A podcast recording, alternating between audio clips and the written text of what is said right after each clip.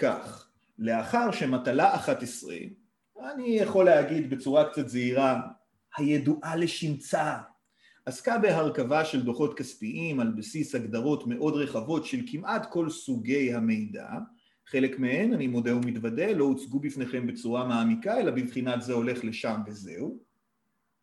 הגיע הזמן לצלול קצת יותר לעומק לחלקים המעניינים, לקרביים, לאיך שזה עובד באמת. כדי שזה יקרה, אנחנו טוענים שאנחנו עוברים לאט ובעדינות בין הצדדים של הדיווחים ובפרט בין צידי המאזן, כאשר המפגש הזה ידון באופן המדידה של קבוצה שנקראת קבוצת הנכסים השוטפים במאזן. אנחנו לא נדון בכל הפריטים שם, אבל כן נדון בשלושה פריטים חשובים, מרכזיים ובמידה רבה מייצגים. נדבר על השקעות למסחר, נדבר על נכס הלקוחות ונדבר על מלאי. אז יש לנו כאן את ה introduction הנחמד שלנו וזה מאוד יפה. הדיון שלנו אם כך הוא בנכסים שוטפים. המאזן כולל, וזה מה שנאמר למעלה בראשי תיבות, את הנכסים מצד אחד ואת מקורות המימון ששימשו בהשגתם, התחייבויות והון עצמי מן הצד השני. אבל אני רוצה לדבר איתכם כרגע על הנכסים כאמור, הנכסים השוטפים.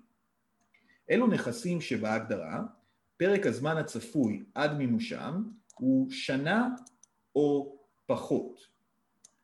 לא כל הנכסים השוטפים ניתנים למימוש, למזומן, באותה הקלות. אנחנו נדבר על זה. אבל לכולם משותפת הטענה שמימוש או מיצוי ההטבה הכלכלית הגלומה בהם לא צפוי לארוך יותר מ-12 חודשים ביחס לנקודת הזמן של תאריך הדיווח. הווה אומר כל הפריטים שאנחנו נציג כעת, והיה והצגנו אותם בדוח על המצב הכספי, המאזן, ל-31 בדצמבר 2018, אזי הפריטים הללו צפויים להיות ממומשים במהלך 2019 בהקשר הזה. שלושה פריטים כאמור ילוו אותנו, הזכרנו אותם קודם, נזכיר אותם שוב, ניתן הגדרות קצרות ואז נצלול פנימה לנבחי הנבחים. הנכס השוטף הראשון, או הסעיף הראשון, בקבוצת הנכסים השוטפים שעליו נרצה לדבר, הוא סעיף ההשקעות למסחר. הגם שהסעיף הזה במהות הוא לא בהכרח סעיף מרכזי בהרבה מאוד חברות, יש לו משמעות מאוד מעניינת מבחינת החברה ונדבר קצת על אופן מדידתו. זה בעצם סעיף שמתאר השקעות בניירות ערך, מניות או אגרות חוב, אבל של חברות אחרות. לקנות ניירות ערך של עצמי זה לא השקעה, זה פדיון ברמה מסוימת. ההשקעות האלו חייבות להיות, אם אני טוען שהן השקעות למסחר לצורך דיוננו, השקעות שנסחרות בבורסה, בשוק פעיל, שניתן למכור ולקנות בכל זמן ובאופן מיידי. לא מדובר באיזושהי מניה בחברה פרטית שלך תמצא לקונה, לא, לא. כמובן שמדובר במניה שניתן למכור מיד, אבל זה לא רק זה. זה לא נגמר פה רבותיי. גם ליאור אמר קודם, ובצדק, שייקה, כדי שזאת תהיה השקעה למסחר, תכלית קיומה צריכה להיות שאני מחזיק בה כדי לסחור בה. אני מחזיק בה כדי למכור אותה בטווח הקצר, כדי לממש אותה במהירות ולעבור מאוד מהר להשקעות אחרות שמהן נוכל להניב רווח. זאת אומרת שההשקעה למסחר, מעבר לזה שזה מניות ואיגרות חוב, החברה מתכוונת וגם יכולה לבצע את המימוש שלה בזמן קצר, ובעצם היא מחזיקה את ההשקעות הללו כחלק מניהול האמצעים הנזילים, מה שנקרא. כלומר, אם חברה משקיעה במניה שהיא נסחרת, אבל המטרה היא להחזיק בזמן ממושך כדי להרוויח לאורך זמן מעליית ערכה, זו לא תהיה השקעה למסחר. בסדר חבר'ה? השקעה למסחר זו השקעה לכוונת מסחר. לא כל השקעה נסחרת בשוק ההון, בבורסה, היא השקעה שתכלית קיומה היא מסחר שוטף ומהיר מנקודת ראות החברה המחזיקה. אנחנו תכף נדבר על מה המשמעות של הדבר הזה, של הסיווג למסחר שוטף, בתור הבסיס למדידה לאופן ההצגה הכמותי של הפריט הזה במאזן וההשפעות הנגררות על רווח והפסד. אבל זה יהיה הסעיף הראשון, סעיף מאוד נחמד. הסעיף השני, הופה, בואו נעצור קצת ונבין. סעיף מרכזי הרבה יותר, קיים כמעט בכל חברה שניתן להעלות על הדעת. זה סעיף או נכס הלקוחות. מדובר בעיקרון בנכס שמשקף את החוב של לקוחות החברה כלפיה. אבל מה הקטע? הקטע הוא שנכס באשר הוא אמור לשקף את ההטבות הכלכליות הצפויות ממימושו, וכך נכס לקוחות אמור לשקף את הגבייה הצפויה מהם. משכך, נכס לקוחות חייב להתחשב לא רק בסכום החוב ברוטו או בסכום החוב החוזי, אלא גם בסיכויי גבייתו. ולכן, אם אנחנו נמצאים בתרחיש שבו אנו צופים שלא נצליח לגבות חלק מחוב הלקוחות, וכאשר אני אומר אנחנו, הכוונה כמובן לחברה, לישות המדווחת, אז כמובן שנצטרך להתייחס לזה, girls, כמובן שנצטרך להקטין בהתאמה את הנכס, בהתאם לכשל גבייה צפוי. כמובן שכפועל יוצא מכך עולות תהיות ושאלות מאוד גדולות. לילך למשל שואלת אותי, שייקה, מאיפה לנו לדעת הכיצד נאמוד את אותם רכיבים שלא נצליח לגבות? האם אנחנו יכולים לזהות בצורה חד משמעית את קשיי הגבייה הללו? נתייחס לסוגיות הללו בקצרה בהמשך, אבל באופן עקרוני, רוב הדיון שלנו התבסס על ההנחה שהנתונים כבר ידועים לנו, ורק השאלה איך לגלם אותם בדיווח יתרה על החישובים המורכבים הקשורים לניהול הסיכונים. אבל בכל זאת זה חשוב. אז רגע, חצי משפט, השקעות למסחר, מסחר שוטף קונה מוכר, מאוד מהיר מאוד מיידי, ולקוחות הם גם שוטפים כברירת מחדל, כי פרק הזמן לגבייה, אלא אם נאמר אחרת, נמוך משנה, אבל גם שם יש איזשהו טריק שנובע מכך שכשל פירעון פוטנציאלי צריך להשתקף בירידת שווי הנכס השוטף הזה, ותהיה לזה השפעה תוצאתית גם ברווח והפסד. לילך שואלת או אומרת, שייקה, בעצם אם אתה רוצה לבדוק בכמה נפגם ערכם של הלקוחות, אתה בהרבה מקרים יכול להתבסס על מה שהיה בשנים קודמות, סטטיסטיקות וכן הלאה. זה לגמרי נכון. וגם על מידע עדכני שנצבר עד למועד הדיווח. אנחנו נתייחס לזה, היה איזשהו שינוי בתקינה בהקשר הזה, אבל זה לגמרי נכון. מה שכן, היום זה כבר הופך להיות הרבה יותר מתוחכם מבחינת מקורות המידע, ואם תרצי האלגוריתמים שמשמשים לחישוב. אנחנו נציג את זה בקצרה, ובעיקר נשתמש בערכים נתונים. הרכיב האחרון, ששרשרת גרורותיו החישוביות תהיה המשמעותית ביותר בהקשרנו, יהיה רכיב המלאי.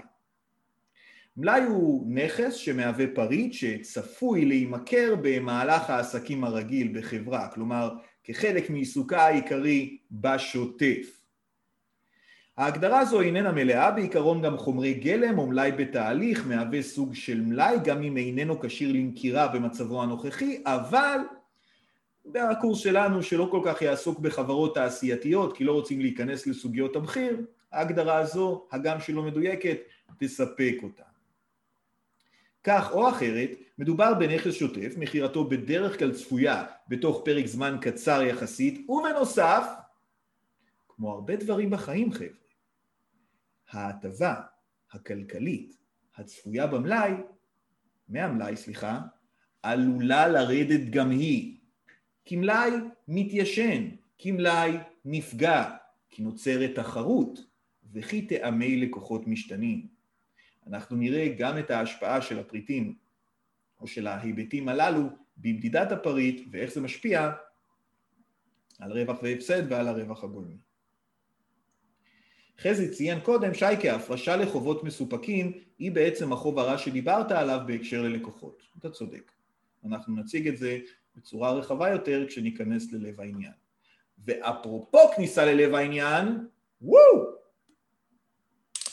התוכנית משודרת בחסות נובו אלכוג'ל. לא יודע למה, אני חושב שגם כאשר הקורונה תחלוף, רבותיי, ההיטהרות הזו כאקט כניסה ראשוני ללב התוכן תמשיך ללוות אותי. אתם מוכנים חבר'ה? אני בטוח מוכן. לילך מחייכת, אז יאללה, בלגן. השקעות למסחר. אנחנו מיד נציג את התרגיל, רגע אחד קטן מבחינת טכניקת המדידה. אני טוען משהו שהוא לא נכון לכל סוגי הפריטים, אבל הוא נכון מאוד להשקעות למסחר. ההטבה הצפויה, מה שנקבל, מה שנגבה, המזומן שיזרום אליי כתוצאה מהשקעה למסחר, קשור בקשר ישיר לשווי ההוגן שלו, או בצורה קצת יותר גסה, למחיר המכירה בשוק או בבורסה תמורת המימוש הצפויה. הואיל והמימוש צפוי בתוך פרק זמן קצר, עד שנה, אבל בהשקעות למסחר זה אפילו יותר קיצוני, כמו שגבריאל אומר, זה משהו שאתה מתקתק איתו כל הזמן, קונה מוכר, קונה מוכר, קונה מוכר, אז הגיוני למדוד בהתאם לשווי ההוגן, בהתאם למחיר בשוק הפעיל הזה, בבורסה. בכפוף לעיקרון הזה נראה את דרך המדידה על בסיס הזהות החשבונאית הקצת מוכרת מהמפגש הקודם. אז חבר'ה, כל מי שלא עקב, תהיו איתי, אין ספק, אני הולך למכור את זה ממש בקרוב. ואני הולך למכור את זה ממש בקרוב, סביר להניח לפי המחיר הבורסאי. נכון, הוא יכול להשתנות עד שאמכור, אבל כרגע, בכל תאריך דיווח, הראייה הטובה ביותר לשוויו הכלכלי או לתמורה הצפויה מנכס נסחר זה מחירו המצוטט בשוק הפעיל הזה, מחירו בבורסה רבותיי. כל עליית ערך בשווי נייר הערך הזה בבורסה תגולם או תשתקף מיידית באותה תקופת דיווח שבה חלה בדוח רווח והפסד כרווח מעליית ערך וכל ירידה כהפסד מירידת ערך. כלומר, זה מאוד נאיבי, זה מאוד פשוט. בינתיים אביתר שואל, שייקה, איך המצב בא לידי ביטוי אם אני מחליט למכור מניה שתוכננה בתחילה כהשקעה לטווח ארוך מסיבות סביבתיות? אז לגבי סיבות זה באמת אה, מאוד מעניין, אבל קצת פחות קשור ללב המשמעות הכספית הטכנית נקרא לזה. אם אה, חברה משקיעה לטווח ארוך, זו לא תהיה השקעה למסחר, יש דרכים אחרות למדוד השקעות אסטרטגיות יותר או השקעות ארוכות טווח, ובכל תאריך צריך לבדוק בהתאם לאופי הנכס איך מודדים אותו ומה הרווח במכירה ככל שחל. אני מצטער שאני לא עונה לך, עונה לך לגמרי, כי זה מאוד תלוי בסוג הנכס, אם זה מניות או אגרות חוב, אם זה מוחזק לפדיון או סתם לזמן ארוך, בעיקרון בעיקרון ובגסות גסות גסות, כשאני מוכר, אני מאפס את הנכס מהמאזן בנכסים שלי, מכיר במזומן שיתקבל, וההפרש שנוצר בין התמורה לבין הערך שבו הוצג רגע לפני כן, יהווה רווח או הפסד לפי העניין. זה עדיין יותר מתוחכם, כי נשאלת השאלה איך הוא הוצג בספרים לפני כן. אנחנו נציג את זה כרגע בהשקעות למסחר. אוקיי, אז הנה לנו הדוגמה. מה הרעיון? עם מה אנחנו יוצאים לדרך? עם כל עלייה שהולכת כרווח וכל ירידה שהולכת להפסד. בואו נראה. ובמכירה אביתר יעזור. חברה א' רכשה מניות של חברה ב' ב-1 בינואר 2015. עכשיו, מניותיה של חברה ב' נסחרות בשוק פעיל. טוב, זה תנאי הכרחי, כן? זה צריך להיות זמין ונזיל וניתן למימוש מהיר בבורסה, אחרת יש לי בעיה עם הסיווג לסוג הזה של השקעות. כוונתה של חברה א' היא להחזיק בהשקעה הזו כחלק מניהול האמצעים הנזילים בחברה לפרק זמן קצר. כל הדיון המאוד אה, סיזיפי הזה, או מסורבל לפחות ברמה הניסוחית, נועד לשכנע אותנו שמדובר בהשקעות למסחר, ולא בהשקעות אחרות. עכשיו, ספירת הרגעה, בקורס שלנו, הסוג היחידי של ההשקעות הפיננסיות שנדבר עליהן בקונטקסט מעשי וכמותי, אלו הן השקעות למסחר. לא נדון בקורס בהשקעות מעניינות ומרתקות אחרות, כמו השקעות שמקנות השפעה מהותית, השקעות לפדיון, השקעות זמינות למכירה, שזה לא למסחר למרות שזה נשמע כך, וכן הלאה. אז אולי צריך לדעת שלא כל ההשקעות בעולם הן השקעות למסחר ברמת הרעיון הכללי, אבל זה יהיה לב הדיון שלנו בקורס הזה. אוקיי. עכשיו, כשאני קניתי את ההשקעה הזו, שהיא השקעה מאוד נזילה ולמסחר, ואני מודד אותה כל הזמן בשווי הוגן, הוא משקף עלייה או ירידת ערך כל הזמן מאוד מהר, עלות ההשקעה הסתכמה ב-30 אלף שקלים. עכשיו, מה שעשיתי כאן, עשיתי כמו, איך זה נקרא? לא, זה לא קסוטו. יא אללה, יא אללה. חכו רגע, אני חייב להגיד לכם. אל תזוזו. ביור, ביור. כן, כן, אבל יש לזה שם. רש"י, רש"י. שטיינזלץ, זהו. איך שכחתי? רק אתה מכיר, שי. שטיינזלץ, רבותיי, זה בעצם מה שעשיתי כאן, באתי ורשמתי ביאור מאוד נאיבי, או מאוד uh, מלא לכל משפט מבחינת סוגו, זה לא אומר שזה זהות חשבונאית, אבל זה יעזור לנו להבנה, ואחר כך כשנרד לזהות, אני מקווה שזה יעשה יותר שכל בלי לדלג למעלה ולמטה בעיניים לנתונים, סבבי? בכל מקרה שבו יש איזושהי בעיה, ותודה גם לדנה שלנו, אמרו לי ואני ארחיב יותר על הסוג הרלוונטי של הפרשנות. אז כך, עלות ההשקעה הסתכמה ב-30 אלף שקלים. אני טוען אם אני קונה השקעה למסחר, אז נכס המזומן קטן, נשמע לי סביר, זוהי אמצעי התשלום ההגיוני להשקעות למסחר, אבל ההשקעות למסחר עצמן הן בגדר נכס, הן לא בגדר הוצאה, ולכן יש לי גידול בנכס אחד, השקעה למסחר, קיטון בנכס אחר, מזומן, זה באותו הסכום, סוכריה, נשיקות לשף מרחוק. חוץ מלרכוש את ההשקעה הזו, כאמור, מכיס לכיס, מהמזומן להשקעות, תכף נראה את זה בזהות, אנחנו רוצים גם לדעת מה עוד קרה כאן. אה, חשוב לשים לב שכשנעסוק בהשקעות למסחר, כל הדיון יהיה מנקודת ראות החברה המשקיעה, לא החברה המושקעת, אם if that makes sense, כן? אני רוצה להסתכל על, על הצד שמשקיע, לא על הצד שמקבל את המשאבים בהקשר הזה. ואיך זה עובד? אז כך, נכון לתום 2015, ממש, אני קניתי את ההשקעה בתחילת 15, בסוף אותה שנה השווי כבר עלה.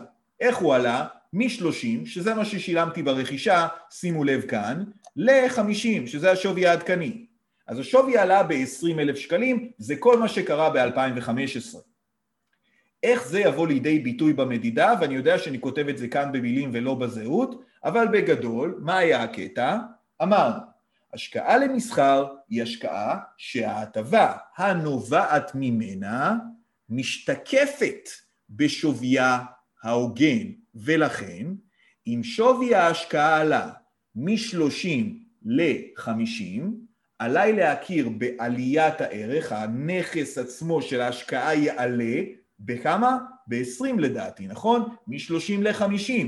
ובנוסף, אנו נכיר בעלייה הזו כרווח, כהכנסה מעליית ערך השקעות למסחר. זה אשכרה ברווח והפסד, בהכנסות המימון דרך אגב, אבל הרעיון הוא שרווח שכזה, הגם שהוא עדיין על הנייר ועדיין לא מומש, נכון? כי לא מכרתי.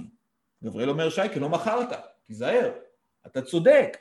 ויחד עם זאת, בגלל שסבירות המימוש היא מאוד גבוהה, ובגלל שהעומד הטוב ביותר להטבה הוא השווי הזה, באה התקינה החשבונאית בהקשר זה ואומרת, תזקוף את השינויים לרווח והפסד מיד. אז 2015 קניתי כנגד מזומן, וכבר הכרתי על השנה הראשונה איזו שנה כיפית ברווח של 20 אלף שקלים כנגד הגדלת ההשקעה. חזי מוסיף ואומר, שייקוני, לא רק זה שהרווחת, זה גם לא ממוסה עדיין. איזה כיף לך. נכון. אגב, בחשבונאות אנחנו לא לומדים על מיסים בקורס, כי אנחנו חייבים איכשהו להגביל את היריעה הכל כך מרתקת שלנו, אבל החשבונאות המלאה כן מתייחסת להשפעות המס הצפויות, זה נקרא התחייבות למיסים נדחים, ואנחנו לא שמים את זה בקורס. רשל שואלת, שייקה, אבל איפה זה יהיה מוצב הרווח הזה? אז אנחנו מיד נראה את הזהות החשבונאית, אבל בעיקרון, אני מגדיל את הנכס ב-20,000, כמובן מ-30 ל-50, ואני מכיר בהכנסה שבזהות החשבונאית היא בצד של ההכנסות, פחות או יותר בקטגוריה של ההון העצמי. ברווח והפסד עצמו זה חלק מסעיף הכנסות המימון ברווח והפסד. אמ, עוברים לפריט הבא, מה קרה ב-2016. נכון ליום 31 בדצמבר 2016, שווי המניות ירד, כמו ברד, בדרום ספרד. מ-50 ל-45, נכון? אז הוא ירד ב-5,000, אבל כשם שזה לפחות סימטרי נורא, כשם שעליית ערך נזקפת כהכנסה, שבסוף גם זורמת להכנסות מימון ברווח והפסד, אבל כרגע בואו נבין את הרעיון, זו הכנסה, זה רווח, כך ירידת הערך משתקפת בהפסד בדוח רווח והפסד, סוג של הפסד, סוג של הוצאה, הוצאות מימון. אז רגע שי, אתה אומר, אני הולכת להקטין את הנכס ואני אנמק זאת, את הירידה בתור הפסד. אוקיי. אז עליות כנגד הכנסה וגידול בנכס, וירידות, הוצאה וקיטון בנכס. מאוד סימטרי, מאוד סביר, גם אם לא הייתי מלמד חשבונאות הייתם יודעים את זה. אוקיי. אבל יש כאן טריק. לא בדיוק טריק. אמרנו שמתחילים מהחלק הנחמד והקל. אומרים, תראה, חוץ מזה שאכלת אותה כי שווי השקעתך ירד ב-5,000 שקלים ב-2016, מה שבהיבט של השקעות למסחר מיד גורם להכרה בהפסד, קרה כאן עוד משהו. חברה ב' הכריזה על דיבידנד. המ, רגע, אני חברה א', אני קניתי מניות של חברה ב', בסדר? זה מאוד חשוב שנבין את זה, וחברה ב' חילקה לי דיבידנד, זה לא דיבידנד שאני חילקתי, אה, אה, אני קניתי השקעה, קניתי פרה חולבת, והנה מתחיל לנבוע לידיי החלב. אני משקיע במניות לא רק כדי שערכן יעלה, אלא לפעמים ליהנות בינתיים מדיבידנדים, קצת מזכיר דירה. אני קונה דירה לא רק כדי להניב את הרווח ההון ממכירתה, אלא גם הכנסות שכירות שוטפות בקונטקסט מסוים. אוקיי. השאלה איך מטופל הדיבידנד הזה, והתשובה כאן היא מאוד פשוטה.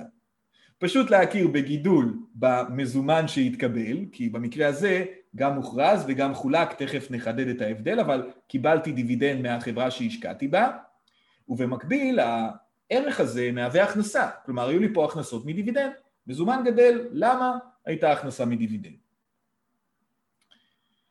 מה קורה ב-2017?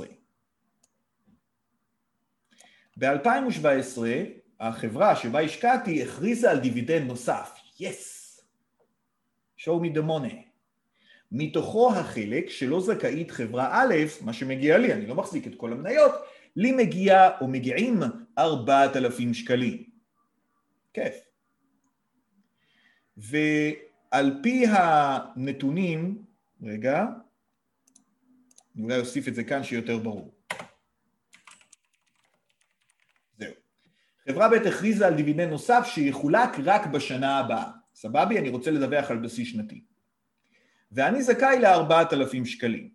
עכשיו השאלה העקרונית והחזקה, זה גם כתוב פה, אבל מבחינת ההבנה, בואו נדבר על זה בקולנו הערב, האם כשחברה שאני מחזיק בה מכריזה דיבידנד, אבל עדיין לא משלמת לי אותו, האם עליי להמתין לאקט החלוקה בפועל, או שאקט ההכרזה הוא המספק, הוא זה שמספק את הצמיחה של התשתית הראייתית להכרה בהכנסה. בהקשר זה, זה מאוד תלוי איך אנחנו מתייחסים להכרזה, אריק אומר שייקה ההכרזה, זה נכון מאוד, אריק אומר את הדבר הנחמד הבא, שייקה, ברגע שחברה ב' מכריזה על דיבידנד עבורך, מבחינתך החברה שבה השקעת כבר מחויבת לשלם לך את הדיבידנד הזה. אז נכון, עוד לא קיבלת אותו, אי אפשר להכיר בגידול במזומן השנה רס בן אנו, אבל הפעולה בוצעה, הזכאות נצמחה, ההכנסה מוכרת כבר במועד ההכרזה. מה שכן, בגלל שהכסף עוד לא התקבל במזומן, אז בשונה מהחישוב או התיעוד בשנה קודמת, שהייתה הכנסה מדיבידנד שמיד התקבלה, אז הייתה הכנסה כנגד גידול במזומן, הרי שהפעם תהיה הכנסה כנגד גידול בנכס שמשקף חוב כלפיי, אשר נקרא דיבידנד לקבל.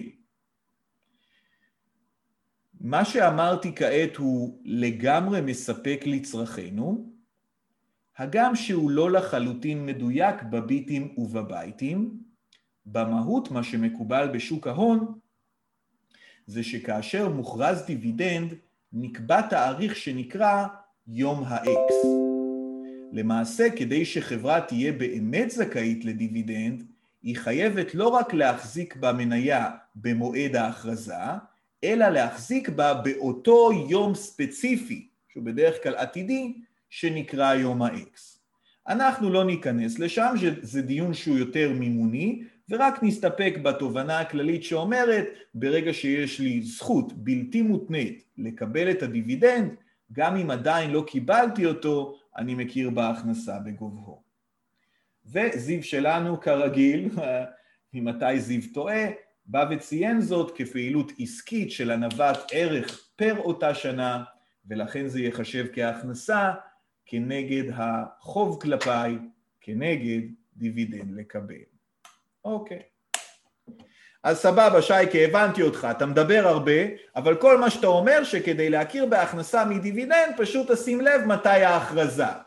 החלוקה זה עניין טכני של התחשבנות. ההכרזה היא זו שיוצרת את החבות כלפיך, היא זו שברמה המהותית מעשירה אותך ויוצרת הכנסה בקרבך. חוץ מהדיבידנד הזה שהוכר כבר במועד או בשנת ההכרזה, יש לנו כאן עוד דיון שבא ואומר שווי ההשקעה במניות חברה ב' באותו היום של ההכרזה הוא 41 אלף שקלים. נשים לב שכל עוד אנחנו מבצעים את עריכת הדיווחים על בסיס שנתי בלבד, אנו נתעניין בשווי המניה מבחינת הדיווח, כן? לא מבחינת ניהול שוטף כמובן, רק לתום אותה שנה. אז אם נותנים לי נתוני ביניים, לצורכי הדיווח השנתי פחות מעניין. אז אם כך, בתום השנה, רגע לפני הפקת הדיווח, אני רוצה להביא לידי ביטוי את העובדה ששווי ההשקעה עלה ל-60 אלף. כן, רצית לשאול דבר מה?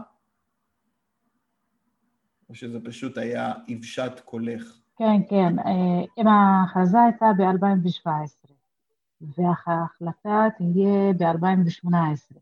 נכון. רושמים את זה במאזן בכלל. לא נחשבת כפעולה חשבונאית במצב הזה.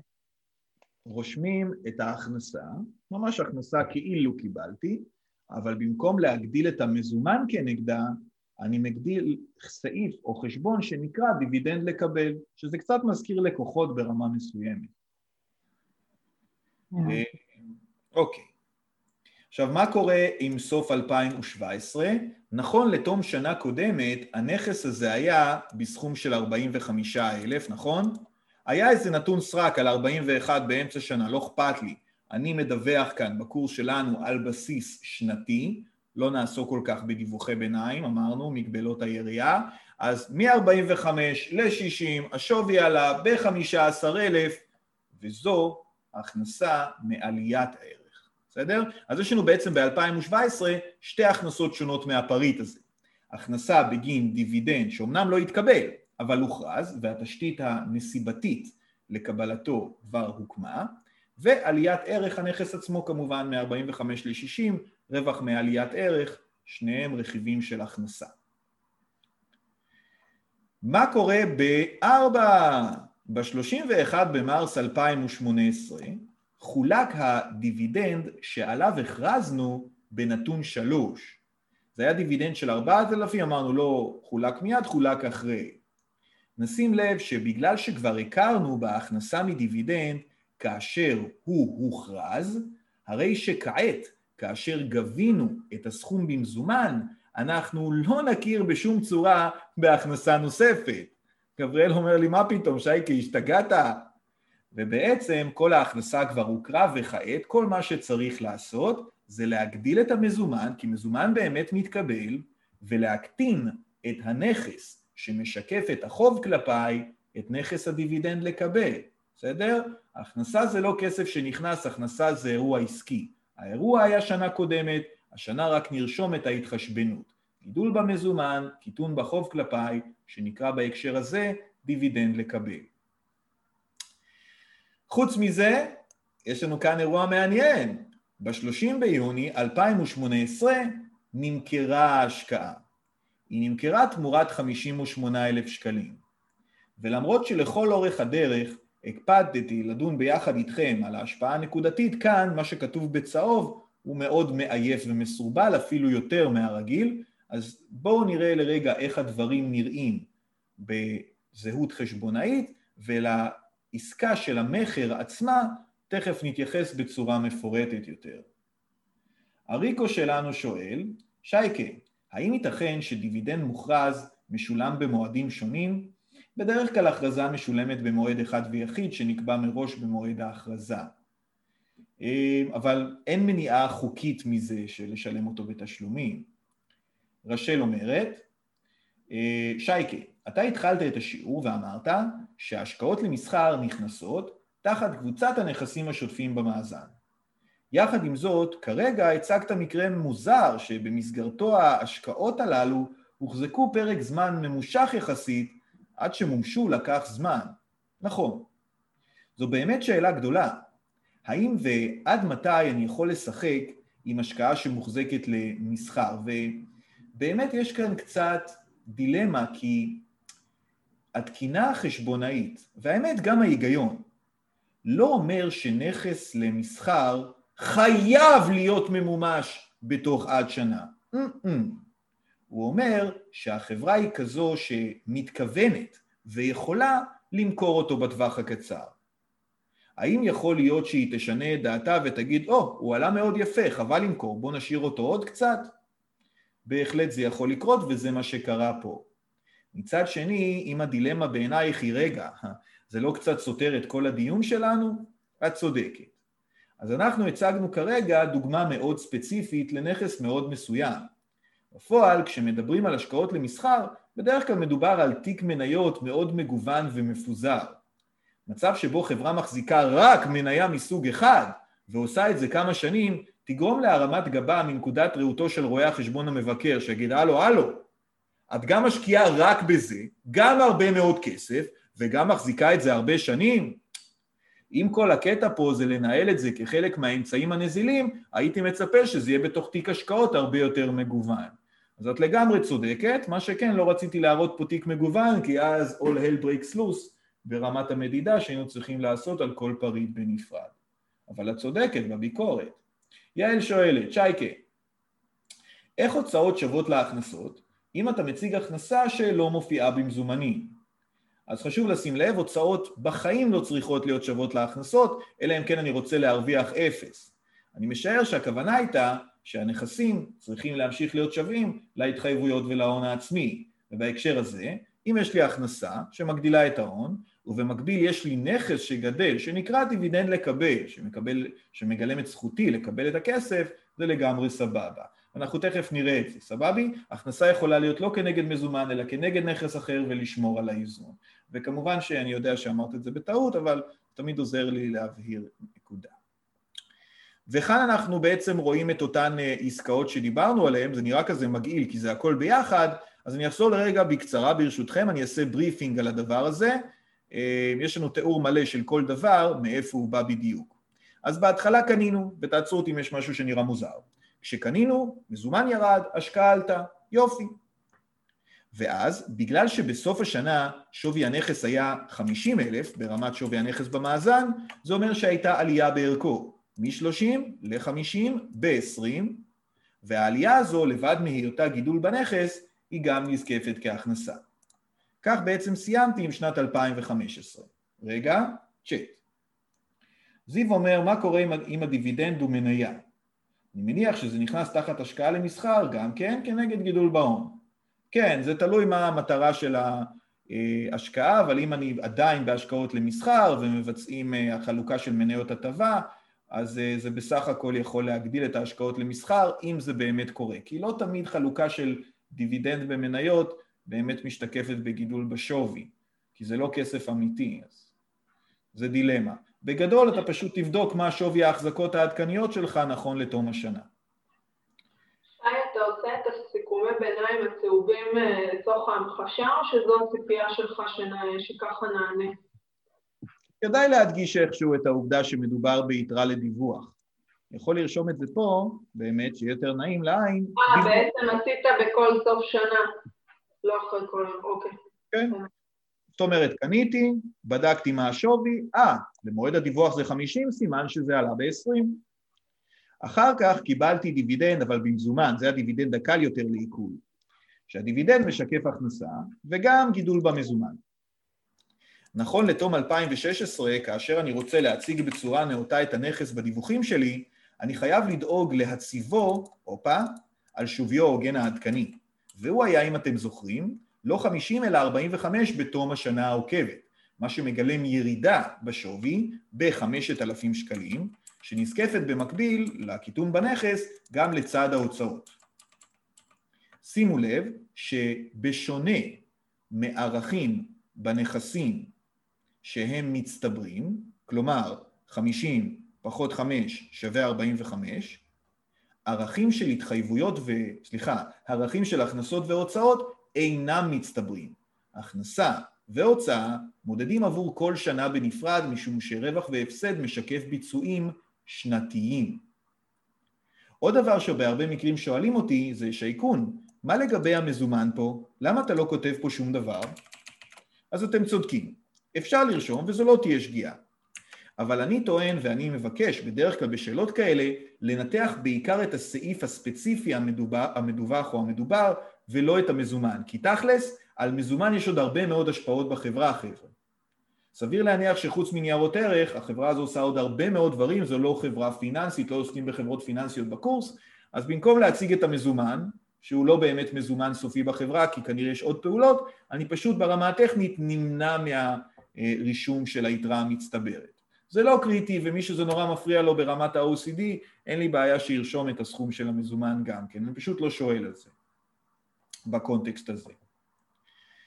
מה קורה בדיווח של 2017? שימו לב לתהליך. ב-2017 היו שני דברים. קודם כל היה דיבידנד שרק הוכרז ולא חולק. לכן הייתה אמנם הכנסה בגינו, אבל לא יכולתי להגדיל את המזומן. השמירה על האיזון, הכנסה מול נכסים במקרה הזה, התקבלה אגב הכרה בנכס אחר, שנקרא דיבידנד לקבל, חוב כלפיי מגיע לי. בנוסף, נכון לתום 2017, אמרו לי ששווי הנכס הוא 60 אלף שקלים, מה שמשקף ביחס ליתרה הקודמת של שווי הנכס עלייה ב-15,000, שתשתקף לא רק כגידול בנכס, אלא גם בהכנסה ממש. כאן ברווח והפסד. אין פה אלמנט של היוונים? כלומר, 60 ו-45, אז זה עולה 15,000, אין קשר ל... סתם אני שואל, מחצי בורות כזה, לא אמורים להוון את הכסף או משהו כזה, או שזה לא רלוונטי? לא, אני בסך הכל בודק בכמה הערך עלה או ירד, המטרה כאן זה להציג רווח. אוקיי. אמ, ואז אני עולה מ-45 ל-60 ב-15, יש לי דיבידנד של 4, בסך הכל הכנסות של 19,000 בשני ההקשרים. סוף סוף שנה אחרונה, אני מגיע לשנה שבה בוצעה מכירה, ולמכירה לא התייחסנו כמו שצריך, אמרתי זה מסורבל, חכו רגע. אוקיי. אבל רגע לפני, אני יודע שבמהלך 2018 החברה שילמה דיבידנד. היא לא שילמה, סליחה, חברה שהשקעתי בה, שילמה לי. היא לא שילמה לי דיבידנד חדש, היא בסך הכל פרעה את אותו דיבידנד שהיא הכריזה עליו בפניי בשנה הקודמת, ולכן לא נוצרה כאן הכנסה חדשה, אלא בסך הכל אני מקטין את יתרת הדיבידנד לקבל, ומכיר בגידול מקביל במזומן, ממש כמו לגבות חוב מלקוח, למרות שההקשר כאן הוא אחר מבחינת מערכת היחסים. עכשיו אני מגיע לאקשן, לעסקת המכירה. כאן בואו נפתח באור קטן נוסף. כלומר, התייחסות מפורטת לעסקת המכר ב-2018.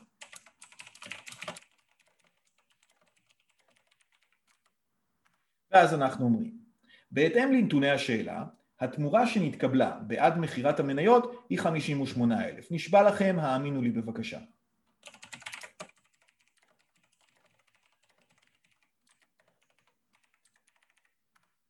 אני טוען שבכדי למכור ב-58,000 אני בעצם גורע, אני מוסר נכס שרגע לפני המכירה בספרים שלי, במאזן שלי, הוצג בסכום של 60 אלף שקלים. אה, אז רגע, אם זה היה על 60 ובסוף מכרת ב-58, מכרת בפחות מהשווי המוצג. משכך נוצר לך כאן הפסד, הפסד הון, או הפסד ממכירה של השקעות למסחר. כלומר, תמורת המכירה בניכוי ערך הספרים, הערך במאזן, ערב המכירה, שהיה 60 אלפי שקלים, סוגריים זה מינוס, נכון? ככה זה, רטוב זה נקי, סוגריים זה מינוס. אלה הסיסמאות שלנו, guys, ladies, וההפסד מהמכירה, לא אכפת לי, הפסד הון, הפסד ממכירה, 2,000 שקלים. אילו ערך הספרים היה יותר נמוך, או לחילופין, תמורת המכירה הייתה גבוהה יותר מ-60 אלף שקלים, ההפרש היה חיובי, והיינו מכירים בו כרווח נוסף, רווח במימוש. אז רגע, מה אנחנו רואים כאן ואיך זה מתחבר לנו? אני טוען שכאשר אני מוכר, אני מעיף, אני מאפס, קוראים לזה גורע מדוחותיי ברמת הנכסים את ההשקעה למסחר, היא חייבת להפוך להיות מה שאני הייתי במערכת היחסים האחרונה, היא חייבת להיות אפס, ובנוסף צריך להכיר בתמורה המתקבלת במזומן באותה נקודת זמן ממש.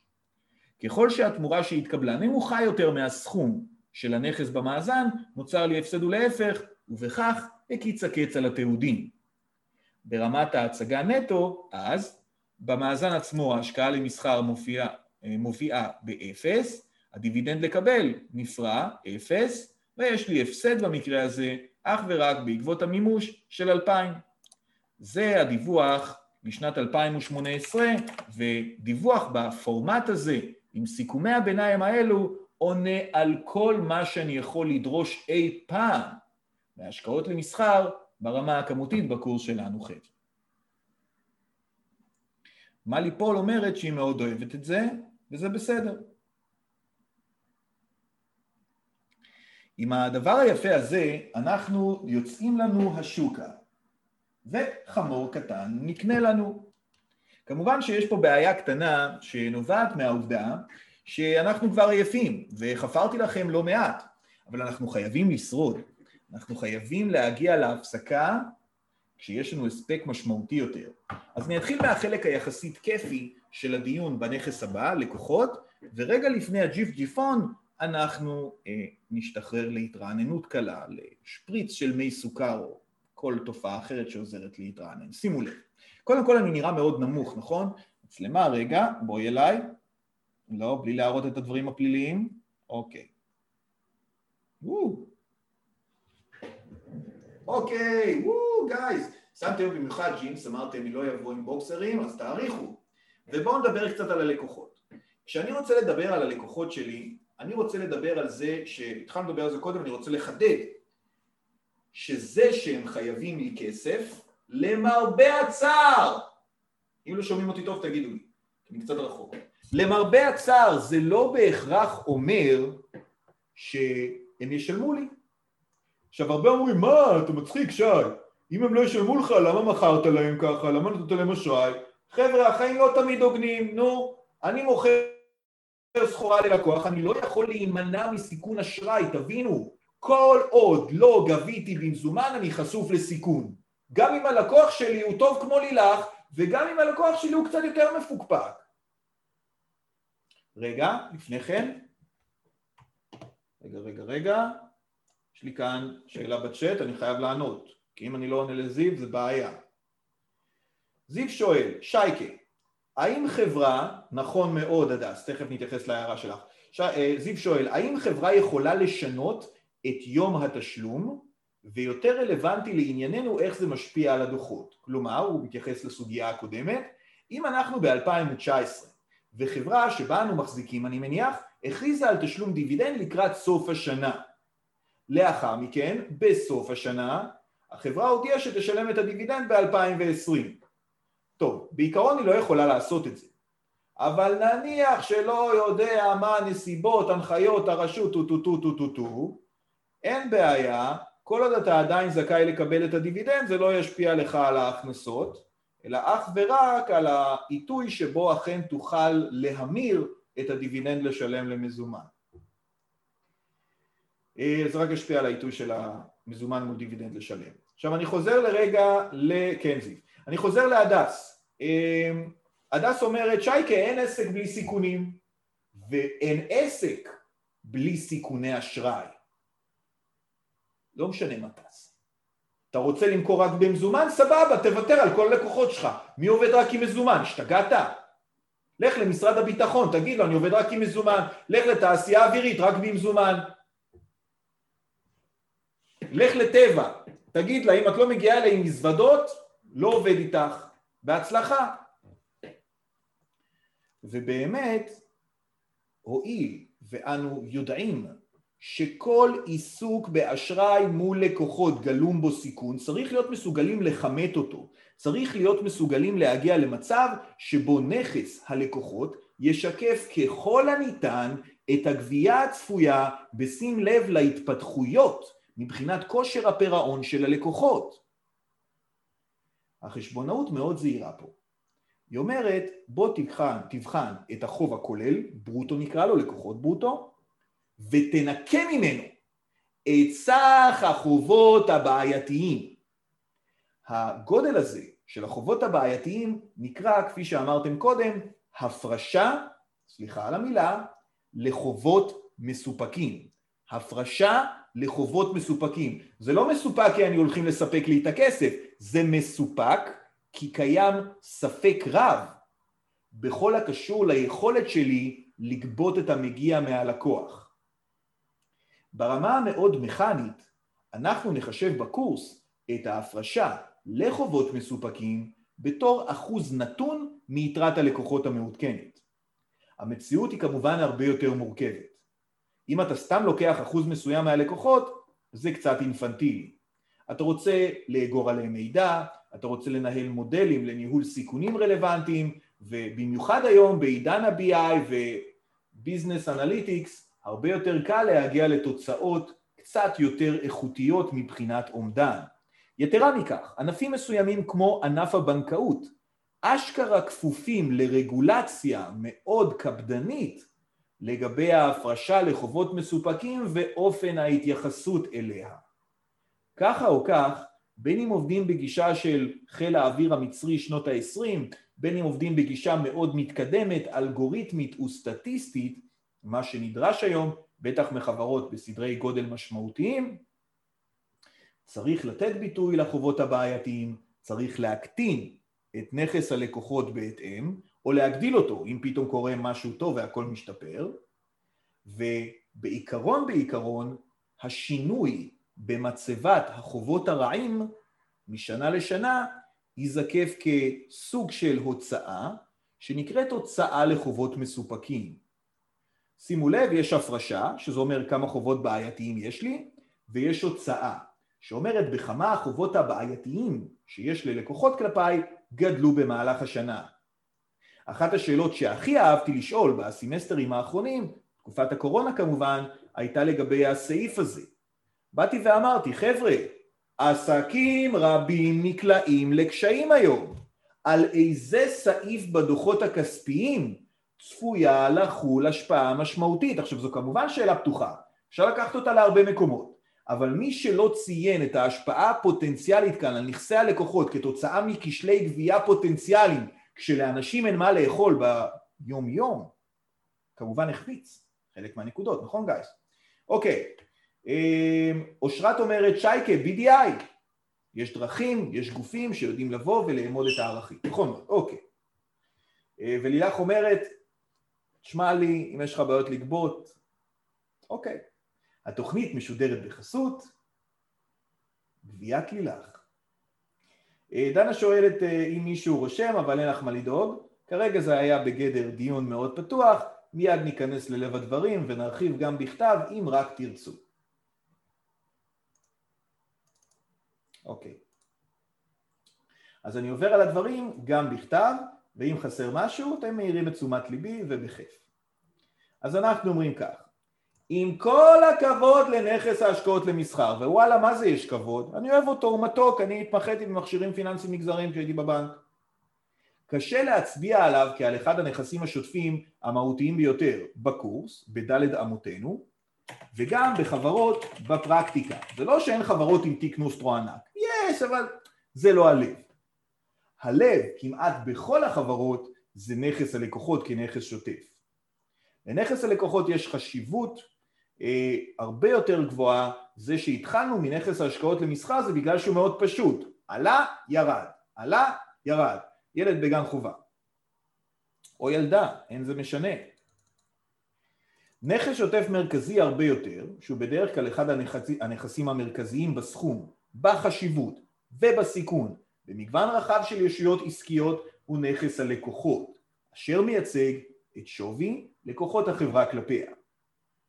המטרה במדידת נכס הלקוחות היא בעצם להוביל לכך שהערך של נכס הלקוחות שמוצג בדוחות הכספיים ובמיוחד בדוח על המצב הכספי המאזן, שם הנכסים מופיעים, נכון? לא יעלה, אני קורא את זה לאט רגע, לא יעלה על ההטבה הכלכלית הצפויה ממימושו.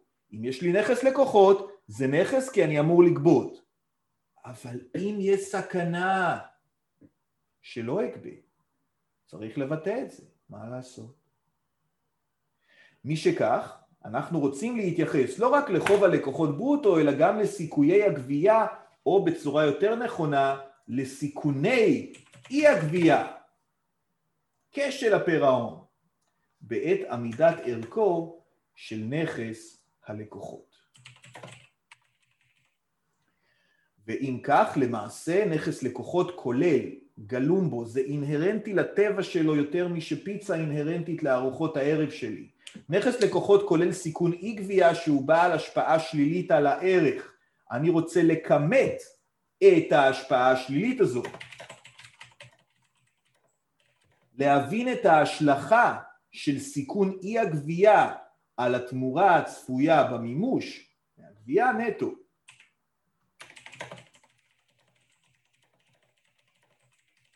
ובעיקר לתעד בהתאם תוך כדי מתן ביטוי למכלול ההשפעות על הדיווח הכספי.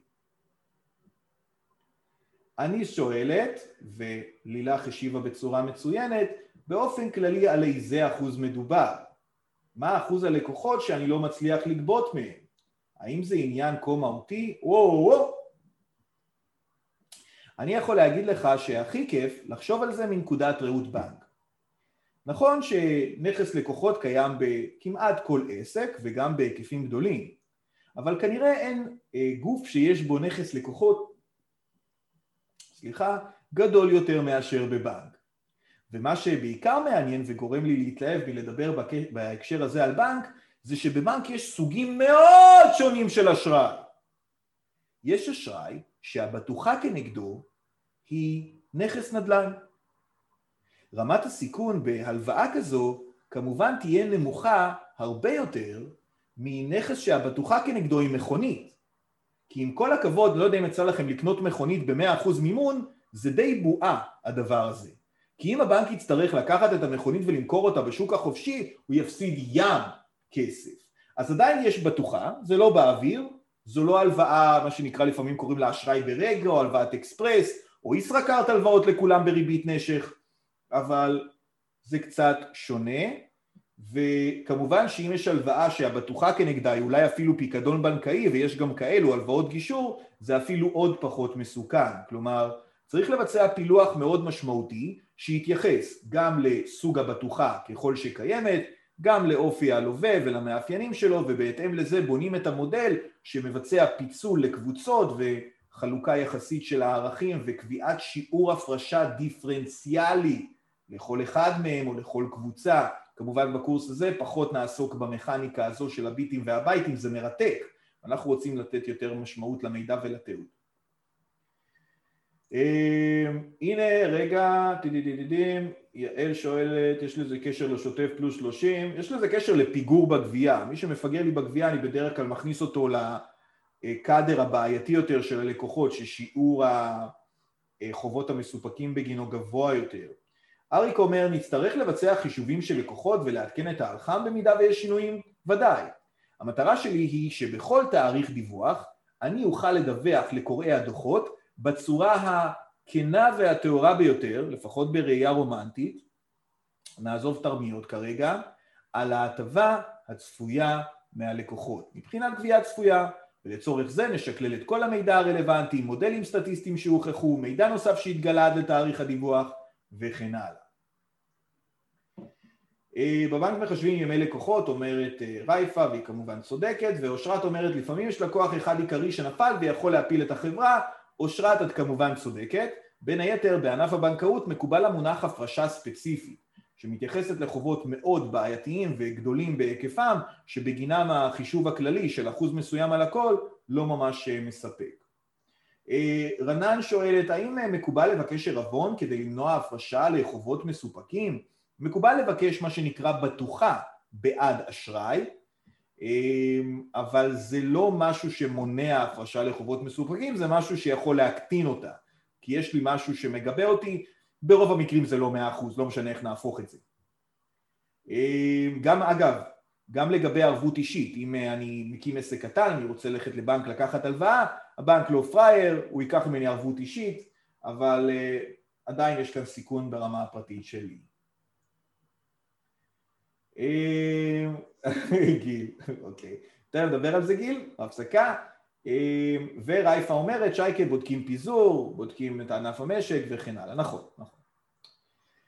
אה, אז כך, כדי שנספיק קצת לפני ההתרעננות, אני רוצה לבדוק מה החובות הבעייתיים שלי, ובעיקר, הואיל ואנחנו לא עוסקים כאן לעומק בתחשיבים הסטטיסטיים המאוד מעניינים, אלא יותר במתן ביטוי ברמת האינפורמציה ולהבין מה זה אומר, לראות איך בדיוק מושפע רווח והפסד והמאזן מהרכיבים הללו. אז בעצם, הנה, בדוח על המצב הכספי, נכס הלקוחות יוצג בניטרול הרכיב הזה, הכוונה, בניטרול רכיב החוב הרע, בניכוי רכיב ההלחם. לוקחים את הלקוחות ברוטו, שזה סך הכל החוב המשפטי, מה שהוא חייב לי על הנייר, חלומות באספמיה, הייתי רוצה לגבות את זה, כן? בפועל, בראייה כנה של המציאות, אני בוחן איזה חלק צפוי שלא להיגבות על בסיס התחשבים הסטטיסטיים, בקורס שלנו זה יהיה מאוד פשוט, וכך אני מגיע ללקוחות נטו, זה פחות זה, שזה הסכום שיוצג למעשה במאזן כסעיף הלקוחות מבחינת ערכו החשבונאי מה שנקרא. כדי שזה יקרה, אנחנו צריכים גם אה, לתרגל קצת, כי אמנם הצגתי את הכיוון ואת הרעיון הכללי, אבל אותי זה לא מספק בהיבט להבין איך זה קשור לרווח והפסד, נכון? אז בואו נראה גם את זה. אמ, שואלת דלל, האם אלחם זה קיצור ללקוחות מסופקים, אז הפרשה לחובות מסופקים. אולי נעשה את זה צבעוני, הל, ה, מ. הנה, נעשה את זה בצבעים, תראו איזה כיף לנו היום. מי אמר שחשבונאות לא יכולה להיות יצירתית, אנושית ונעימה? אז הנה אלחם, אלחם. שבתכל'ס זה סך החוב הרע. אוקיי. ואז צריך להתחיל עם התרגיל, איזה תרגיל יפה סייקוני, ככה אתה נותן לנו לפני ההפסקה. כן. נתחיל מהבייסיקס. אה, יהיה לכם בשביל מה לברוח. אוקיי, נתחיל, יש כאן הרבה שנים, אני אתחיל מהחלק הראשוני שהוא מאוד מאוד פשוט אה, ונלך פריט פריט, רכיב רכיב, אוקיי? אל תיבהלו שכתוב פה הרבה, אפשר להתעלם מהצהובים כרגע. אומרים לי ככה, תראו, את שנת 2013 התחלתי עם חוב לקוחות של 100 אלף, סוף 12, תחילת 13. נכון לסוף 2012 החוב המשפטי, מה שהם חתומים עליו בחוזה, הוא 100 אלף. סבבי?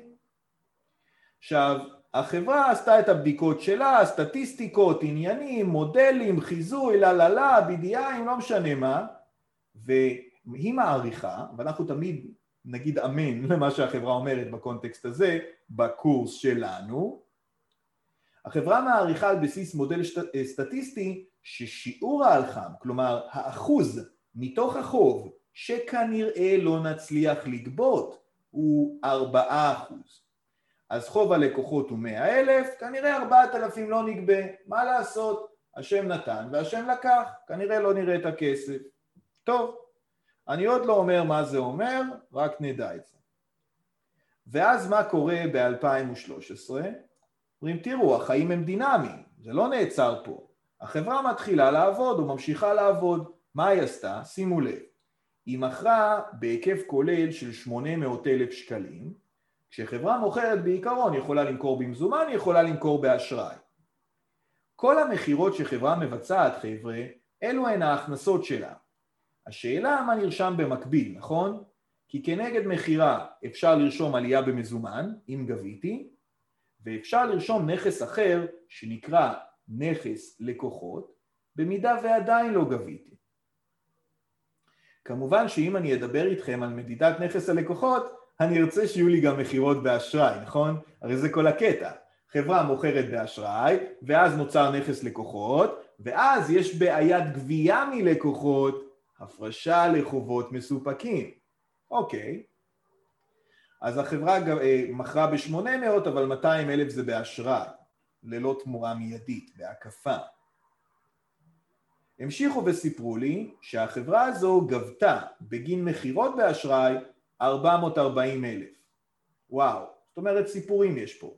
החברה מכרה ב-800, היא מכרה באשראי מתוך זה 200, 600 היא קיבלה מיד במזומן, והיא גבתה בנוסף אה, מלקוחות באשראי 440, ונתנה להם הנחות. מה כל הבלגן הזה אומר? כי כמובן שלקרוא את זה כך, במכה, עושה לנו קצת מיגרנה.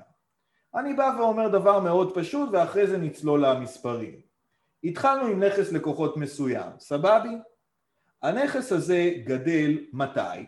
כשאני מוכר ללקוחות באשראי. והנכס הזה קטן מתי? כשאני גובה מלקוחות. אז זה בגדול הסיפור שלי, ואם אני אדע מה יתרת הלקוחות העדכנית, אני אדע גם איזה חלק בעייתי מתוכה בהמשך הדרך. בואו נראה איך זה עובד בקונטקסט שלנו. רגע, רגע, לא פותר את כל התרגיל מן הסתם. אני אלך לכאן, ועוד דבר שאני אעשה, הואיל והמספרים פה מוכנים ומאוד קשה לעקוב, אני אתן מידע מלא על כל מספר פה. כדי שזה יהיה ברור, אני אומר, נכון ל-31 בדצמבר 2012, אולי אני קצת אקטין את גודלה של הטבלה, כדי שאני אוכל להכניס פה מלל של בהורים בצורה יותר נעימה לעין, או אפילו להדפסה למי מביניכם שאוהב להרוג עצים. אוקיי. אז ל-31 בדצמבר 2012 יש לי כאן, בואו לא נרשום את זה בקיצורים, נהיה נחמד אליכם, יש לי יתרות פתיחה, או בעצם הערכים הבסיסיים, הראשוניים, שהיו נתונים בשאלה. לא אמרו לי הרבה על החברה. אמרו לי שבסוף 2012 הלקוחות ברוטו היו 100 אלף והלח"ם היה 4,000. למה 4,000? כי אמרו לי נתון שהלח"ם הוא 4% מהלקוחות. לא נורא, נכון? אוקיי. למה כתבתי פה את האלחם הזה, ירחם עלי האל על נשמתי, במינוס? מה זה מינוס ארבע? חבר'ה, הלחם לא משקף נכס בפלוס. להפך, הוא משקף פגיעה בנכס. ככל שהאלחם גדול יותר, נכס הלקוחות שווה פחות. נרשום את זה פה. יותר על חם שווה נכס לקוחות נטו יותר קטן. וזו הסיבה לכך שהוא אמנם בקטגוריית הנכסים, אבל בסימן שלילי. דנה שואלת מה זה אלחם, אז בטח. אלחם זו הפרשה לחובות מסופקים. אבל ברמה הקצת יותר משמעותית, מדובר באותו חלק מתוך חוב לקוחות החברה כלפיה, שהיא צופה שהיא לא תצליח לגבות, ולכן הוא משקף דה פקטו פגיעה, קיטון, בנכס לקוחות. כמילותיו של פרופסור בריין בושש, אני אימצתי בחום את ההצעה הזו שלו. הלחם זה קונטרה אסט. זה רכיב שאין לו קיום בפני עצמו. אין דבר כזה חברה בלי לקוחות אבל היא מלכה, מה פתאום? זה בסך הכל מראה קיטון בנכס לקוחות. אגב, במפגש הבא נעסוק ברכוש קבוע, כמו מכונות וציוד, ושם יש משהו קצת מזכיר שנקרא פחת נצבר. גם זה ערך שלא עומד בפני עצמו, אלא בסך הכל מקטין את נכס הרכוש הקבוע. אוקיי, אז מה למדנו? שמים את הלקוחות כנתון, שמים את ההלחם, את החוב הבעייתי, את ההפרשה לחובות מסופקים, לפי האחוז הרלוונטי, כאן 4% מלקוחות, בסימן שלילי, וממשיכים הלאה לתיעודים השוטפים. מה היו התיעודים? לאט לאט. אמרו לי שב-2013 ביצענו מכירות של 800 אלף, אני רושם הכל, מכירות 800 אלף, מתוך זה 200 אלף במזומן, היתרה 600 אלף נראה לי באשראי.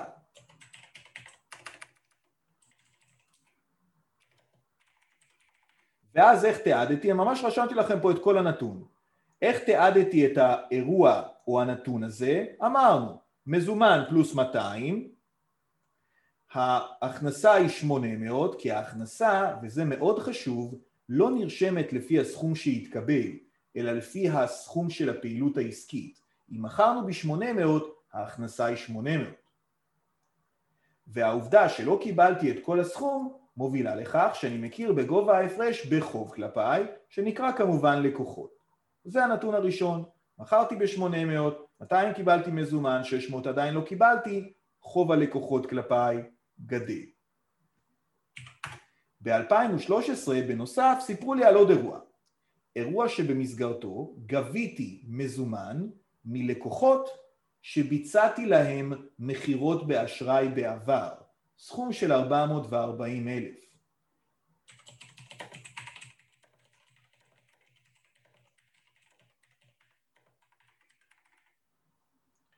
למה זה יופיע כך? בגלל שזה רק אקט של גבייה, זה לא מכירה חדשה, לא מכרתי פה עוד שום דבר חדש. זה לא לא 600 אלף? אז אני לא יכול להכיר בעוד הכנסה. אני רק יכול לבוא ולהגיד, לקוחות היו חייבים לי כסף, בין אם זה בגלל באמת, כמו שאתה אומר, מכירות באשראי שביצעתי השנה, בין אם זה בעקבות מכירות באשראי של שנים קודמות, זה לא באמת משנה, הם חייבים לי פחות כסף, ויש לי יותר מזומן, זה התהליך בגבייה בעקבות מכירה היסטורית. ב-2013, על פי נתוני השאלה, ואני ארשום פה את הנתון שיהיה יותר קל להיזכר, החברה העניקה הנחה ללקוחות שהיא מכרה להם באשראי בעבר.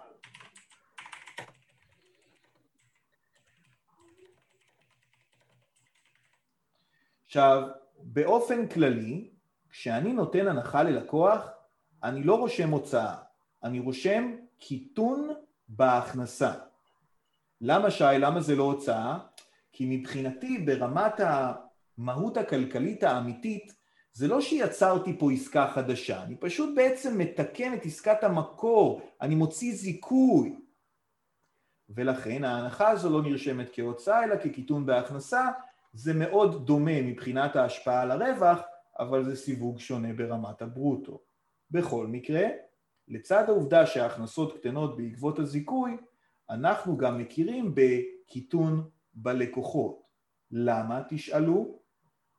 כי כשאני נותן הנחה ללקוח אחרי מועד העסקה, יש שתי אפשרויות.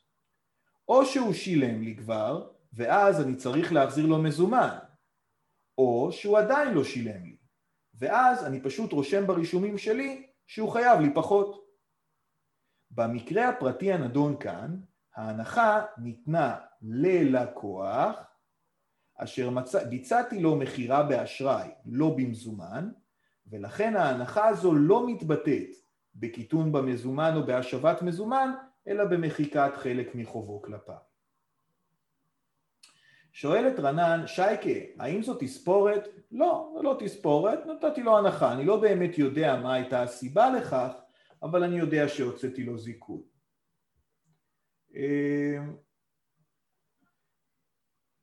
פרט, ואם אני לא אומר נכון את השם הסליחה, שואל, בשאלה ההתחלתית היו חייבים 100 ואז גביתי 440. האם זה לא מופרז? אז לא, כי חוץ מהמאה הראשונים ביצעתי עוד מכירות באשראי, ורק אז ביצעתי את הגבייה.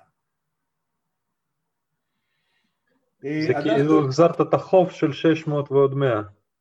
נכון. חלק מזה. נכון מאוד. כי אין לנו נתונים היסטוריים כאילו שנה קודמת, למשל, אז אין לא, לך את הידע. אז התחלתי ממאת השנה, אבל אז מכרתי באשראי, ואז גביתי. אז לקוחות חייבים לנו 100, 600, ואתה גבית 100 ועוד 600, ואתה גבית מהם 440, אז הם, הם חייבים לך עוד, uh, כמה זה? 260, משהו כזה. 260 אלף. אוקיי. כמובן, כמובן לפני ההנחה שהקטינה עוד קצת. Mm-hmm. הדס שואלת, שייקה, איך זה הנחה כל כך מאוחר? זה לא במעמד הקנייה? אז לא. אה, וזה יכול לנבוע מכל מיני גורמים באמת, או רצון לחזק קשרי מסחר, או סוג של פיצוי לקוח, או לא משנה כרגע מה הסיבה. אם זו הנחה שהיא במעמד העסקה, לא נראה אותה, כי לא יוצא עליה זיכוי, זה מיד באותה חשבונית. אה, בכל מקרה, הדבר החשוב לי לדעת, מעבר לעניין ההנחה, זה מהי יתרת חוב הלקוחות ברוטו כלפי החברה. באו ואמרו לי, או אני חישבתי, שיתרת הלקוחות ברוטו היא בעצם, ואתה עזרת לי בזה קודם, אמרת לי 100 ועוד 600 זה 700, פחות 440 זה 260, פחות 25, כי יש כאן גם הנחה שהורידה את המחויבות של הלקוח כלפיי, יש לי סכום של 235 אלף. עכשיו, כדי לדעת מה הוצאות ההלחם, אני תמיד עובד קצת הפוך. אני בעצם קודם כל רוצה להסתכל על הלקוחות האלה בעיניים, ברמה הפיננסית, ולהבין איזה חלק מתוך חוב הלקוחות אני צופה שלא אצליח לגבות. ואני צריך נתונים מפורשים על זה, כי כאמור אנחנו לא עוסקים בקורס הזה בניהול סיכונים פר סה. אז כדי שזה יקרה, אני אעלה רגע למעלה ואני אחפש עוד נתונים.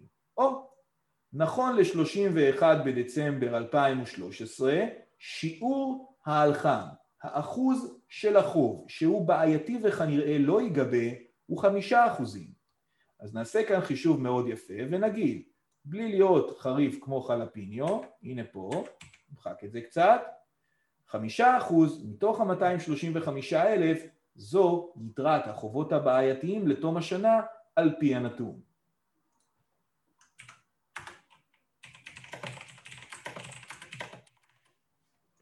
אז אני אעשה, אבצע כאן חישוב מאוד יפה, 11,750, שזה לפי 5% מיתרת הלקוחות. אוקיי, אחת, ככה. יפה.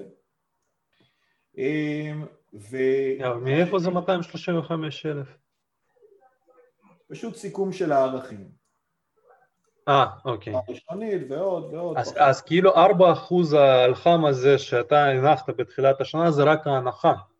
אתה מסתכל על התוצאה הסופית, מה שאתה קיבלת בסוף שנה, ועל סמך זה אתה מחשב אלחם.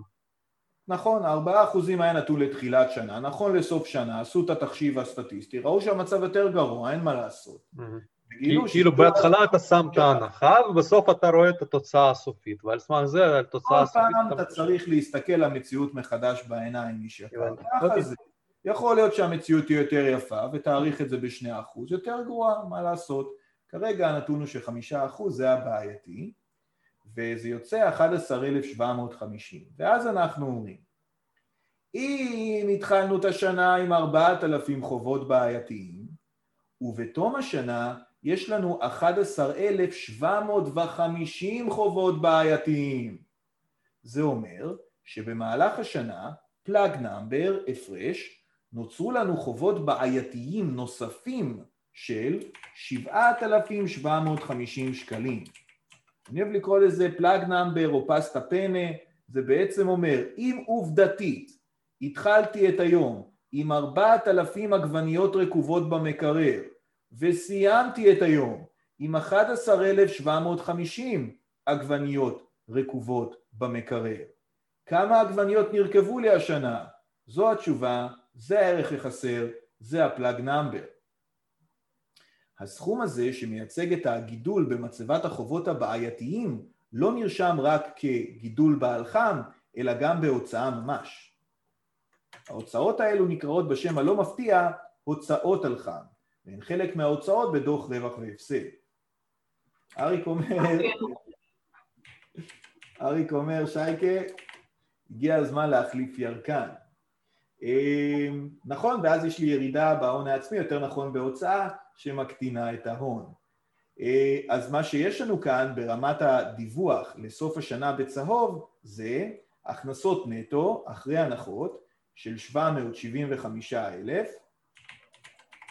הוצאות בעקבות גידול במצבת החובות הרעים של 7,750 וחוב לקוחות ברוטו של 235,000 שאם אני באמת רוצה להציג אותו כמו שצריך במאזן, ארצה גם להוריד ממנו את החלק הרקוב הזה של החוב, שימו לב, במאזן, שימו לב רק לזה כרגע, זה יוצא כך. חוב ברוטו 235, פחות החלק הרקוב, זה החוב להצגה במאזן כנכס שוטף. מעבר לזה כמובן תוכר גם הוצאה, אבל זה כמובן בנפרד. יש לנו עדיין אה, צורך לחזור על הדבר הזה שוב, וגם להראות מה קורה כשחוב מסוים הוא לא רק מסופק או בעייתי, אלא הופך לאבוד לחלוטין. בשביל זה יש לנו עוד שנת עבודה יפהפייה, אנחנו נצא להתרעננות, כאשר נחזור בשעה שמונה ועשרה נרצה לדבר בצורה מאוד נעימה גם על ההחמרה ועל החובות האבודים, ונקנח בסוגיה האחרונה, איזה כיף כשנהיה הכי עייפים, סוגיית המלאי. אז see you soon רבותיי, see you soon.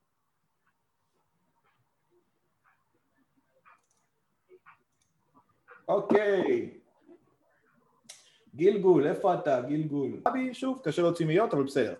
בניהול פיננסי, הסטטיסטיקה, קודם כל כמות החומר היא אינסופית. אז אני שולח אתכם, אם אתם חושבים שעכשיו אני שולח אתכם ללמוד הרבה בבית, חכו, חכו. בניהול פיננסי זה טוב, את זה לא נספיק, זה לא בית, זה תקראו, זה תלמדו, זה טה טה טה טה לא זה. ניהול פיננסי זה מבחן ביכולות למידה, לא רק בניהול פיננסי. אין מה זה. איי, מה ליפול לנשמה. כן, עוברים את זה בסוף. אבל זה לא דומה, כאילו, כי חבר'ה באים וחושבים שכאילו אני אטוף להם את הכל, הרמטי מכל הכיוונים, כמו בחשבונות. אין, לא יכול לקרות. מערך שיעור יש לי שם כרגע זה 300 ומשהו עמודים שם, וזה גדל. אני כל פעם, כל סמסטר אני מוסיף עוד דברים וזה. נניח יהיה איזה 400 עמודים וזה לא מספיק, זה לא כל החומר. כן. אבל נראה. מקווה שיהיה לכם עדיין קורונה, ואז יהיה לכם עובר לא עובר, זה לא משפיע על הממוצע. תגבורים, לפעמים נותנים לי מפגש שביעי לעשות. אומרים, אני בוכה להם, אני אומר להם, הסטודנטים לא מבינים כלום וזה, ואז אומרים לי, יאללה, קח עוד מפגש.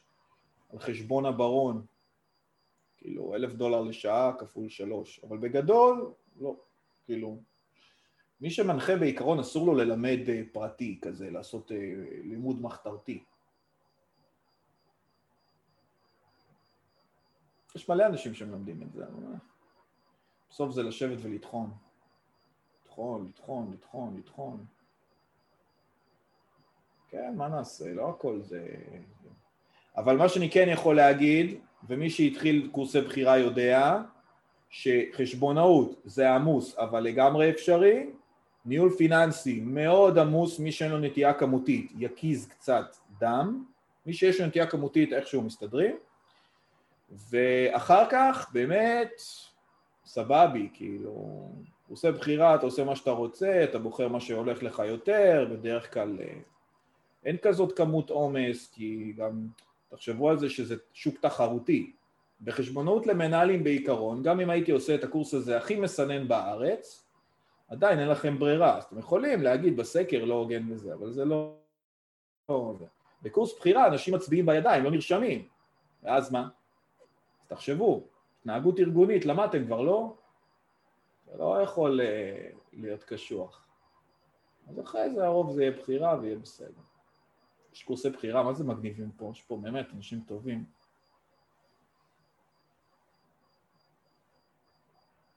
ואני לא אומר את זה סתם, כי יצא לי ללמד קצת במקומות אחרים.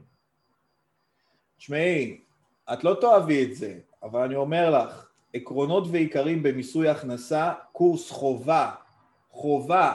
אני אומר לך, אני למדתי אותו בתור רואה חשבון, שלמד מיסים בתואר הראשון, וזה המנחה שם, אין. אולי יש לו עוד מנחים, אבל המרכז שם, בן אדם מבריק שאין דברים כאלה בכלל. את קולטת את זה, והוא חמוד גם כזה, אבל הוא מבריק, ואתה כאילו מסתכל פתאום על דברים במיסים אחרת לגמרי, חוץ מזה שהוא נותן מלא עצות פרקטיות וזה, כאילו, הוא לא כזה אה, חוק יבש כזה. וואי, זה כאילו היה אחד החזקים שעשיתי, ובתור רואה חשבון להגיד את זה, תדעי לך שזה לא טריוויאלי. ידעתי כבר מיסים, אולי הוא קצת רענן אותי, אבל ידעתי. אז זה סבבה. מה עוד עשיתי? עשיתי, אבל זה, התחלפו הרבה מנחים מאז, אז אני לא יודע איך זה היום. עשיתי כל מיני קורסים, את כל האשכול של ניהול התפעול עשיתי. עשיתי ניהול התפעול, אסטרטגיה של התפעול וניהול פרויקטים. אה, מה עוד עשיתי? מה עוד עשיתי? ניתוח דוחות כספיים כמובן, לכל מי שהוא פיננסייר זה אסנס, מי שלא אז אולי פחות. אה, עשיתי השבחת ערך חברות, שזה גם קורס סבבה, קורס יותר קשה ממה שהוא נדמה בהתחלה, בסוף אתה לא מצליח להוציא גבוה במבחן, אבל הוא שווה את זה. מה עוד עשיתי? עוד מעט פותחים קורס בשוק ההון, לא יודע מתי אבל, הוא בפיתוח כרגע, בטח יהיה מגניב. יש כבר קורס בשוק ההון, אבל זה קורס יותר עיוני, מי שאוהב את המבנה של שוק ההון, מי שרוצה קורס מעשי בשוק ההון, אז זה בפיתוח. כן, כן, כן, אניס, כן, כן. אגיד לך כן עוד פעם? סליחה שאני מתעכב, נגמרה הפסקה. כן, כן. עכשיו, הרבה יגידו לי, לא, מה פתאום וזה. אני אומר לך, תעשי לעצמך את הטובה. כי כמובן את מוכשרת ואפשר וזה, אבל זה... זה מסוג הקורסים שאתה גם רוצה לגמור אותם, ואז אין בעיה, תרוצי, תשתוללי עם הקורסים. ניהול פיננסי, יאללה, צייני אותו. כל כך הרבה עבודה עצמית, כל כך הרבה...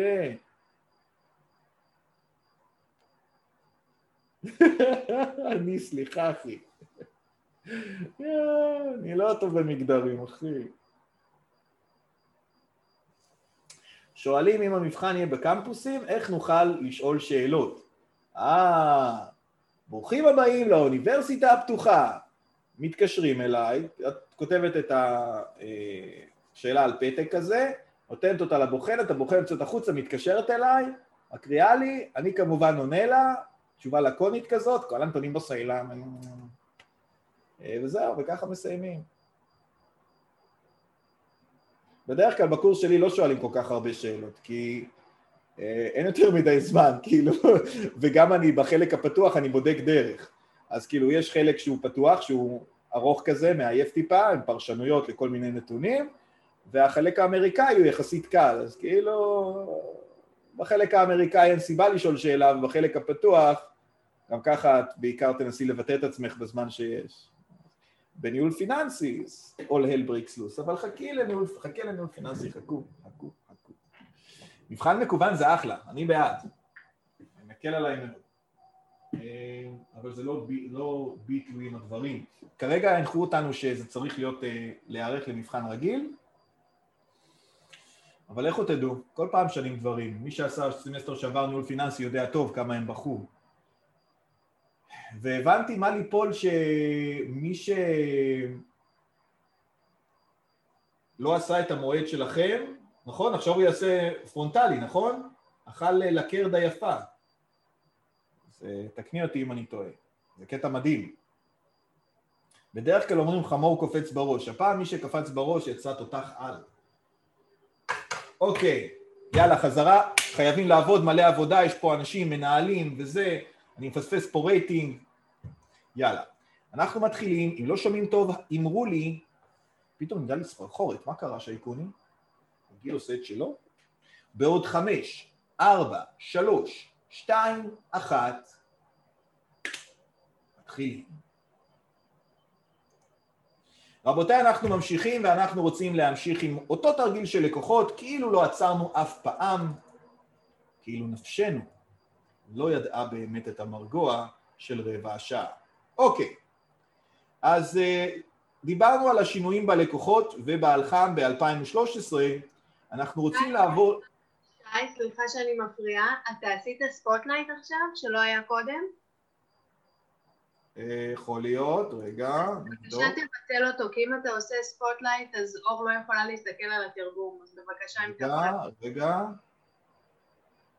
לא, הוא לא spot שנייה. ננסה לעשות stop share אולי. בואי נראה. אה, כן, כן, תודה. הנה, אוקיי, תודה, זה עבד, תודה רבה. אוקיי, מעולה. אז אה, דיברנו על אה, מדידת הלקוחות והלחם, ואנחנו רוצים להמשיך עם הדבר היפה הזה,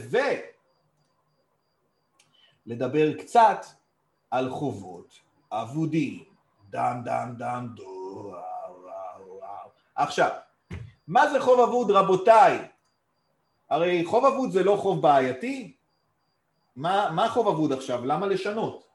שימו לב. למרות שלא מקובל לעשות את זה בקורסים של תואר שני כי אתם אנשים רציניים, אני חייב לספר לכם משהו. כשאני מתחיל לצאת עם מישהי והיא לא עונה לי, כי זה מה שקורה בדרך כלל בחיים,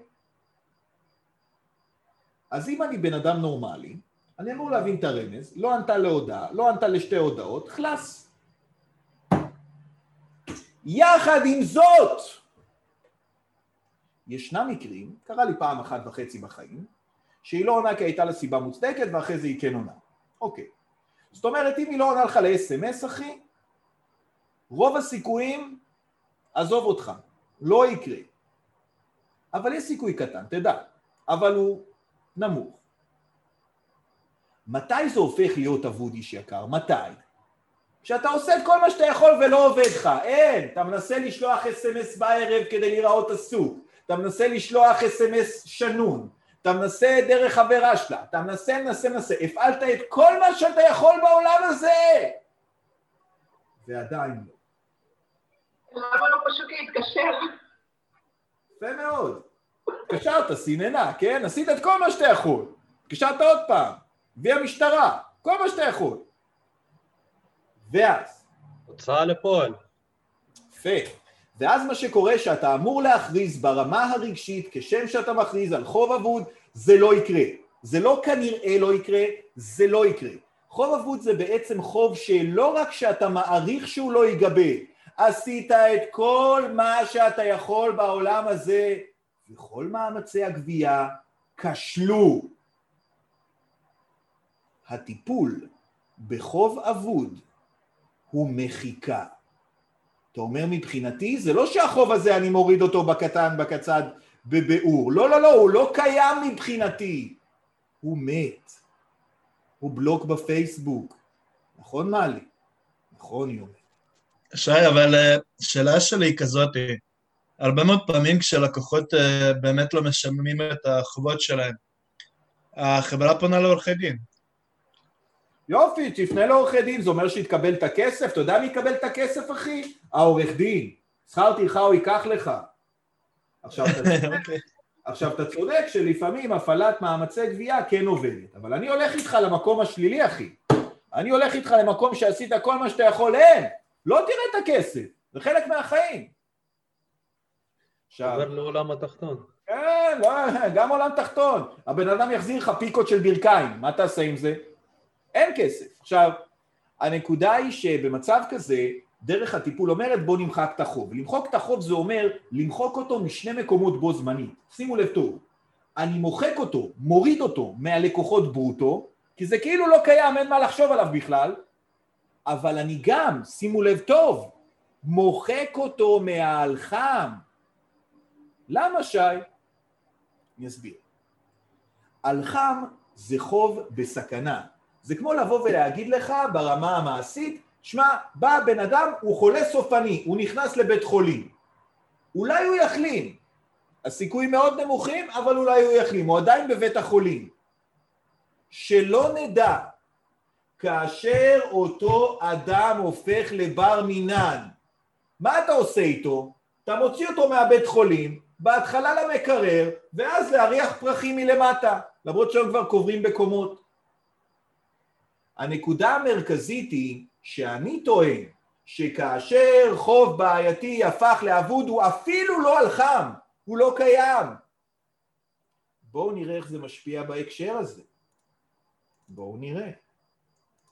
אז אתם אומרים את הדבר הבא, רבותיי, יצירת חוב אבוד גילוי, חוב אבוד בסך שבע. אני אומר שזה משפיע, אני חייב להקטין קצת את המסך הזה, הנה על העולם, אין לי מקום, הופה, הנה. אני חייב להקטין את זה פעמיים. פעם אחת זה קיטון בלקוחות.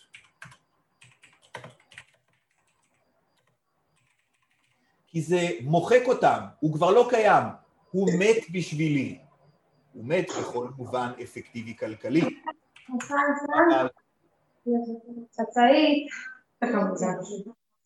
אוקיי. במקביל, אני טוען שצריך גם להקטין את האלחם, אבל אלחם זה ערך שמופיע במינוס, אז כשאני מוחק אותו, זה כאילו לקחת את הלקוח החולה, אז זה להוציא אותו מבית, מבית החולים. ואז חוב אבוד גם מקטין את האלחם. הוא לא קיים, לא, בס, לא בברוטו ולא בחולים. מת, יוצא במרשם האוכלוסין לצורך העניין. בנוסף, חוב אבוד מקטין את הערך המוחלט של ההלכה. גם פה וגם פה, וזה תמיד כך למרבה השמחה. עכשיו, מה לגבי, רגע, אומר גבריאל, רגע אומר זיו, שייקה, אז בלקוחות ברוטו אתה שם במינוס, בהלחם בפלוס כן, אבל זה לא פלוס כי זה דבר טוב, זה פלוס כי הוא מת, מסכן. עכשיו, זה כמו, לא, אתה יודע, היא לא עונה לי, אז אני כותב, קורא לה נניח שירן, כנראה מסננת אותי. עכשיו, היא לא עונה לי עשר פעמים, אני לא רוצה שהיא תופיע שירן כנראה מסננת אותי, רוצה למחוק אותה כדי להפסיק עם המאבק הזה עם עצמי, כן להתקשר, לא להתקשר. זהו, מת אחי. אוקיי. חוב אבוד תמיד מינוס בלקוחות וקיטון בערך המוחלט בהלכה. עכשיו יש לי עוד כמה אירועים קטנים. מכירות. מה שמכירות... לא ראינו את האירועים האלה, אתה עברת ישר לטבלה, לא ראינו אותם למעלה בכתוב. אה, בסדר, אני ככה מקצץ איתכם, אין לי זמן. אבל אני אספר לכם שהנתון אמר, התגלה חוב אבוד 7,000, סבבה? ואז אני מספר לכם על עוד נתון שהחברה מכרה באשראי ב-700 אלף. נרשום את זה. מכרה. אתה יכול בבקשה רק להתקרב למיקרופון, עשית משהו, אני לא יודעת, ושומעים פחות טוב, אוקיי? כן. תודה. הנה, תגידי לי אם יותר טוב, בבקשה, במטוטים. מצוין, תודה רבה. מצוין. ממש. עכשיו אה, אנחנו ממשיכים עם ה-2014 היה גם נתון על גבייה. כתוב, החברה גבתה מלקוחות 670 אלף. ומה הדבר הזה עושה? גידול במזומן, זה מזומן, קיטון בלקוחות. בבקשה. הדבר הגדול הבא, 2014 הוצאות על חם. שימו לב טוב איך זה עובד. אני מוחק את זה, וואו. אני מגיע לסוף 2014, ומה אני עושה? קודם כל אני בודק מה הלקוחות ברוטו, זה, פחות זה, ועוד זה, פחות זה. יפה. סיכום כל הערכים הללו יחד מוביל אותי ללקוחות ברוטו 258 אלף לפני בדיקת החובות הבעייתיים. עכשיו השאלה הגדולה, איך אני יודע מתוך החוב הבעייתי, סליחה, מתוך החוב ברוטו הזה, איזה חלק הוא בעייתי? צריך נתונים. אז נדמה לי שזה נשאר חמישה אחוז, הנה, אז אין לי בעיה. אני רושם לעצמי פה, הלחם כנתון חמישה אחוז מהלקוחות, ואז אם הלקוחות, שזה בעצם יתרת הלקוחות הקודם, פחות שבעת אלפים חוב אבוד, ועוד 700 מכירות באשראי, פחות 670 גבייה מלקוחות, זה יוצא 258 החתיך הזה. הדבר היפה הזה, אם אני רוצה לדעת מה על חם, אני כופל אותו פשוט בחמישה אחוזים. לפי חמישה אחוזים מה-258 אלף, זה פשוט נתון, שזה החוב הבעייתי, לא המצאתי. בסדר? זה נתון. ועכשיו אני רוצה גם לדעת איך אני משלים את הדילמה. כדי להשלים את הדיון אני חייב לדעת מה ההוצאות האלחם. ככה זה נקרא, 2014 הוצאות אלחם. והוצאות האלחם זה תמיד מה שאני אוהב לקרוא לו פלאג נאמבר, המספר החסר. אני אומר ביחד איתכם ככה, התחלתי את השנה והיו לי במקרר, שימו לב טוב זה החלק המתוחכם, התחלתי את השנה והיו לי במקרר 11,750 עגבניות רקובות. סבבי? סבבי. עכשיו, הן היו רקובות כזה על הגבול, אתם מכירים את זה? שאתה אומר, וואלה, לא בטוח, אולי כן לשקשוקה, אולי לא, אתה יודע שזה נראה רע, אבל אתה אומר, אולי יש לזה תקווה, אולי נעשה עם זה משהו. ואז גילית שמתוך ה-11,750, 7,000 הפך לאבוד. מה זה אומר עגבניות אבודות, חבר'ה, אם מישהו לא מכיר או מכירה? זה עגבניות עם זקן. זה לא כתמים, זה לא קמטים, זקן, חבר'ה. עגבנייה עם זקן זה ג'יפה של הג'יפה, זה אבוד. עכשיו, מה שאני בא ואומר, היו לי 11,750 עגבניות ככה על סף ריקבון, באתי, חיפשתי, ראיתי מה קורה, 7,000 עגבניות עם זקן, אני זורק אותן לפח, אני בעצם נשאר, עושה פלוס, שבע, אני נשאר עם עגבניות שהן עדיין על סף ריקבון, אתם איתי? 4,750, אוקיי. לא יודע מה קרה, באתי בסוף שנה לראות מה המצב, אני קולט שיש לי על פי הנתונים 12,900 של עגבניות על סף ריקבון. אה, אז בעצם היו לי חלק ברקובות, אחרי שהוצאתי חלק, איכשהו זה גדל עוד פעם ויש לי 12,900.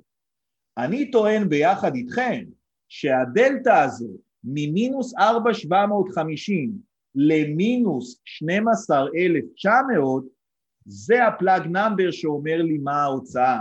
כי אם הייתי אמור להיות עם 4,750 גועל ואני עם 12,900 גועל, הדלתא זה סך החוב הרע שנוצר ספציפית השנה. חולים חדשים בבית החולים. אז בערכים מוחלטים זה 12,900 פחות 4,750, 8,150 זה הדלתא פה, מי שלא מסכים איתי, יכול לעשות מה שהוא רוצה, יכול לעשות פה X או מה שלא בא לו, העיקר לגלות שיתרת פתיחה במינוס ועוד שבע, פחות או ועוד משהו, שווה ליתרת הסגירה, והמשהו הזה חייב להיות 850, הוא גם מהווה הוצאה. הוצאות הלכה. רבותיי, זה או זו כל התורה כולה באופן עקרוני, כאשר בתום השנה, אם אני רוצה את ההצגה המאזנית, אני רושם בסוף 2014 את הלקוחות ברוטו, פוף, יתרת הלחם, פוף, לקוחות נטו, וזה הכול.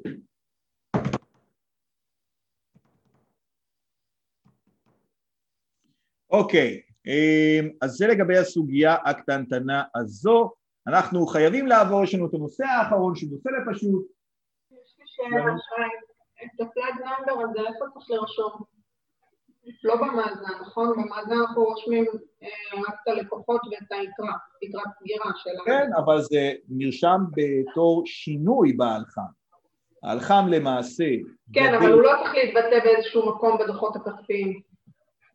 ההלחם עצמו, השינוי בהלחם, מתבטא בתור גידול ביתרת ההלחם באמת, לא בפני עצמו, והוצאות ההלחם זה ברווח והפסד, הוצאות הנהלה וכלליות. אז זהו, בדוח רווח והפסד, אוקיי.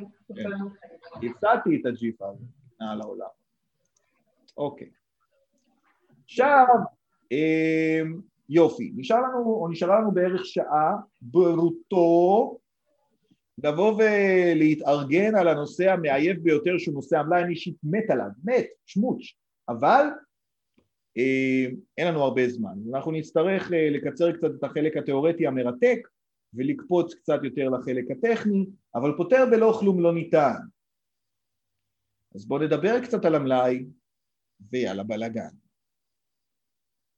אז כך, הכל רשום חבר'ה, בואו נדבר. בעיקרון, מלאי הוא פריט שמוחזק לשם מכירתו, במהלך העסקים הרגיל, השוטף, העיקרי, של הישות המדווחת. כך למשל חברת אופיס דיפו, מלאי אצלה זה מחשבים, ציוד משרדי, טאבלטים. כל מוביל, מלאי זה מכוניות, חלקי חילוק. בסדר? הבנו את הקטע.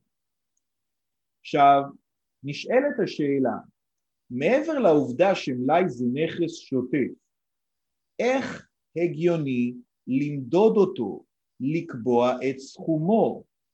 למשל, את ההשקעות למסחר מדדנו לפי שוויין ההוגן, נכון? כן, שי? כי אמרנו שהשווי זה העומד הטוב ביותר להטבה הצפויה, כי זה שכיר בבורסה וימומש במהרה. אחרי זה אמרנו איך נמדוד את הלקוחות, נכס שוטף גם, ניקח את הלקוחות ברוטו, שווי חוב חוזי, ונוריד את החובות הבעייתיים המסופקים, סבבה. איך נמדוד את המלאי? כאן יש טריק.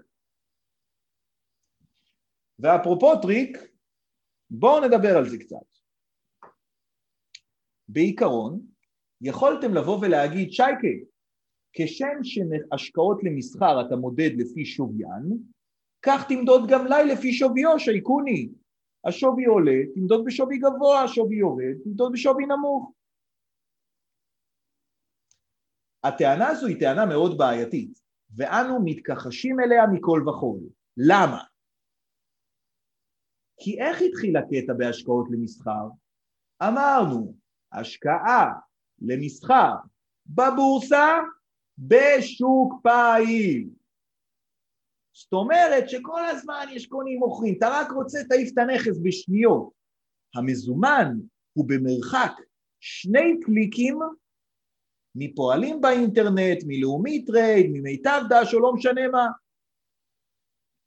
אין באמת סכנה, לפחות נכון למועד הדיווח הספציפי, של אי מימוש או מימוש בתמורה נמוכה מהשווי הבורסאי המוגדר.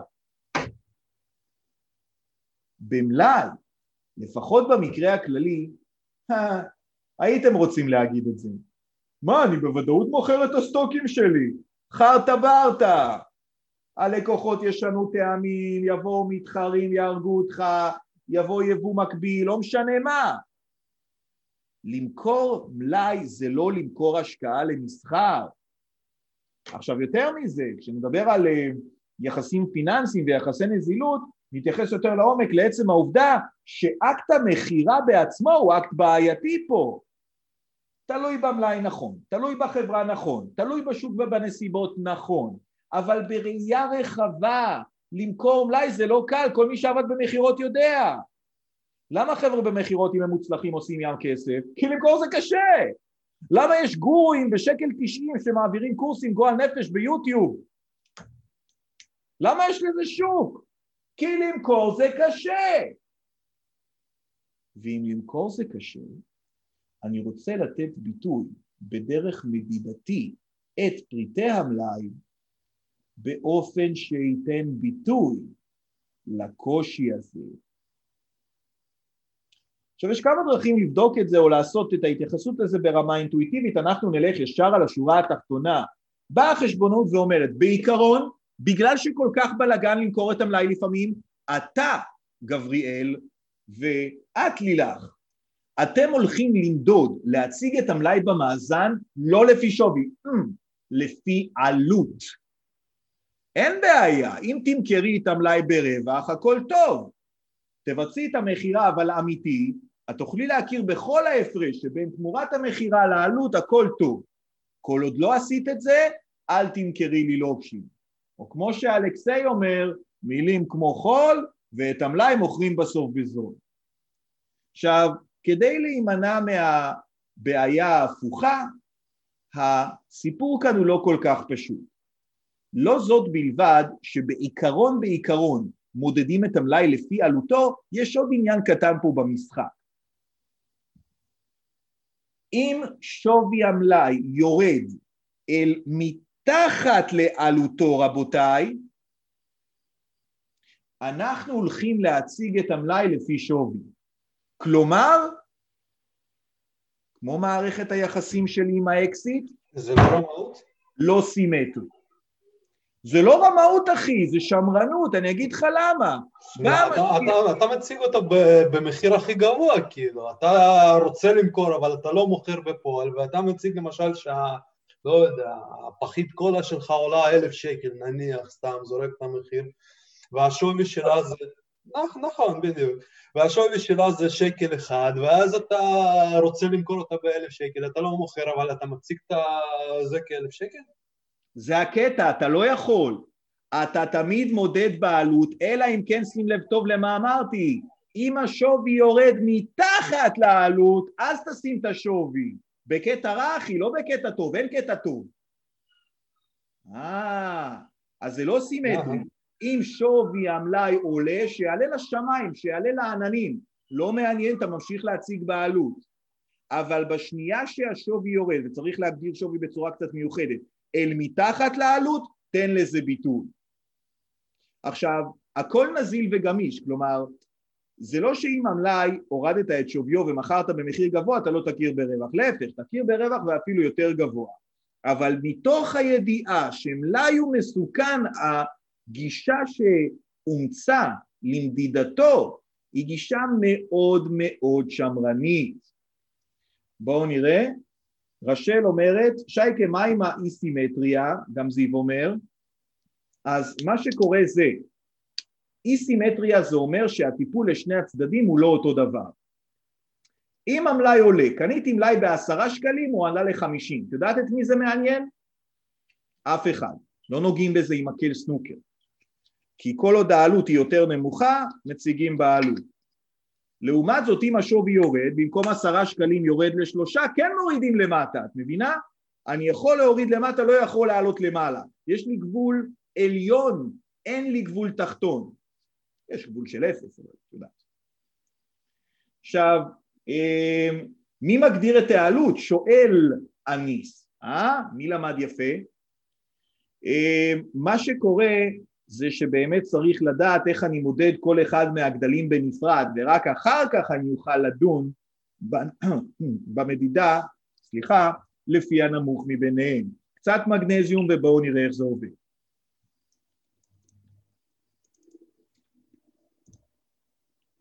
בלה בלה בלי בלה בלי בלה בלו, מלאי מלאי מלאי, הבנתם. אני עובר מיד לתרגיל כדי שנספיק בנחת בחלק המהותי. בחברת אמיר תפוחי אדמה, כל מה שאמרתי קודם אגב, רשום למעלה, אין לכם מה לדאוג. בחברת אמיר תפוחי אדמה משווקים מלאי מסוג אחד ויחיד, וזה אלו השאלות הכמותיות שלנו בקורס, למרות שהעולם האמיתי כולל הרבה מאוד פריטי מלאי. יהיה רק על אחד. להלן נתונים בדבר תנועות המלאי בשנת 2018. מה התנועות? אומרים לי ככה, תראה שייקה, יש לך פה יתרת פתיחה, אלף יחידות, עלות אלף שקלים ליחידה. אחר כך קנית מלאי, אלפיים יחידות, חמישה עשר שקלים ליחידה. אחר כך קנית, מכרת, טיטי טיטי טיטי כל מיני דברים מדליקים.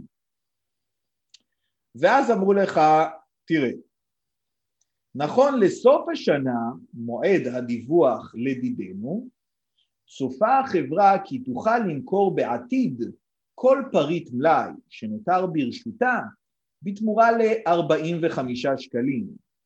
טרם ביצוע המכירה צריך לארוז את המלאי בעלות שלושה שקלים, ובכדי למכור אותו אתה צריך לשלם לסוכן עוד ארבעה שקלים. הרבה מאוד נתונים, אני לא באמת יודע מה לעשות איתם, אני אתחיל לאט ובעדינות.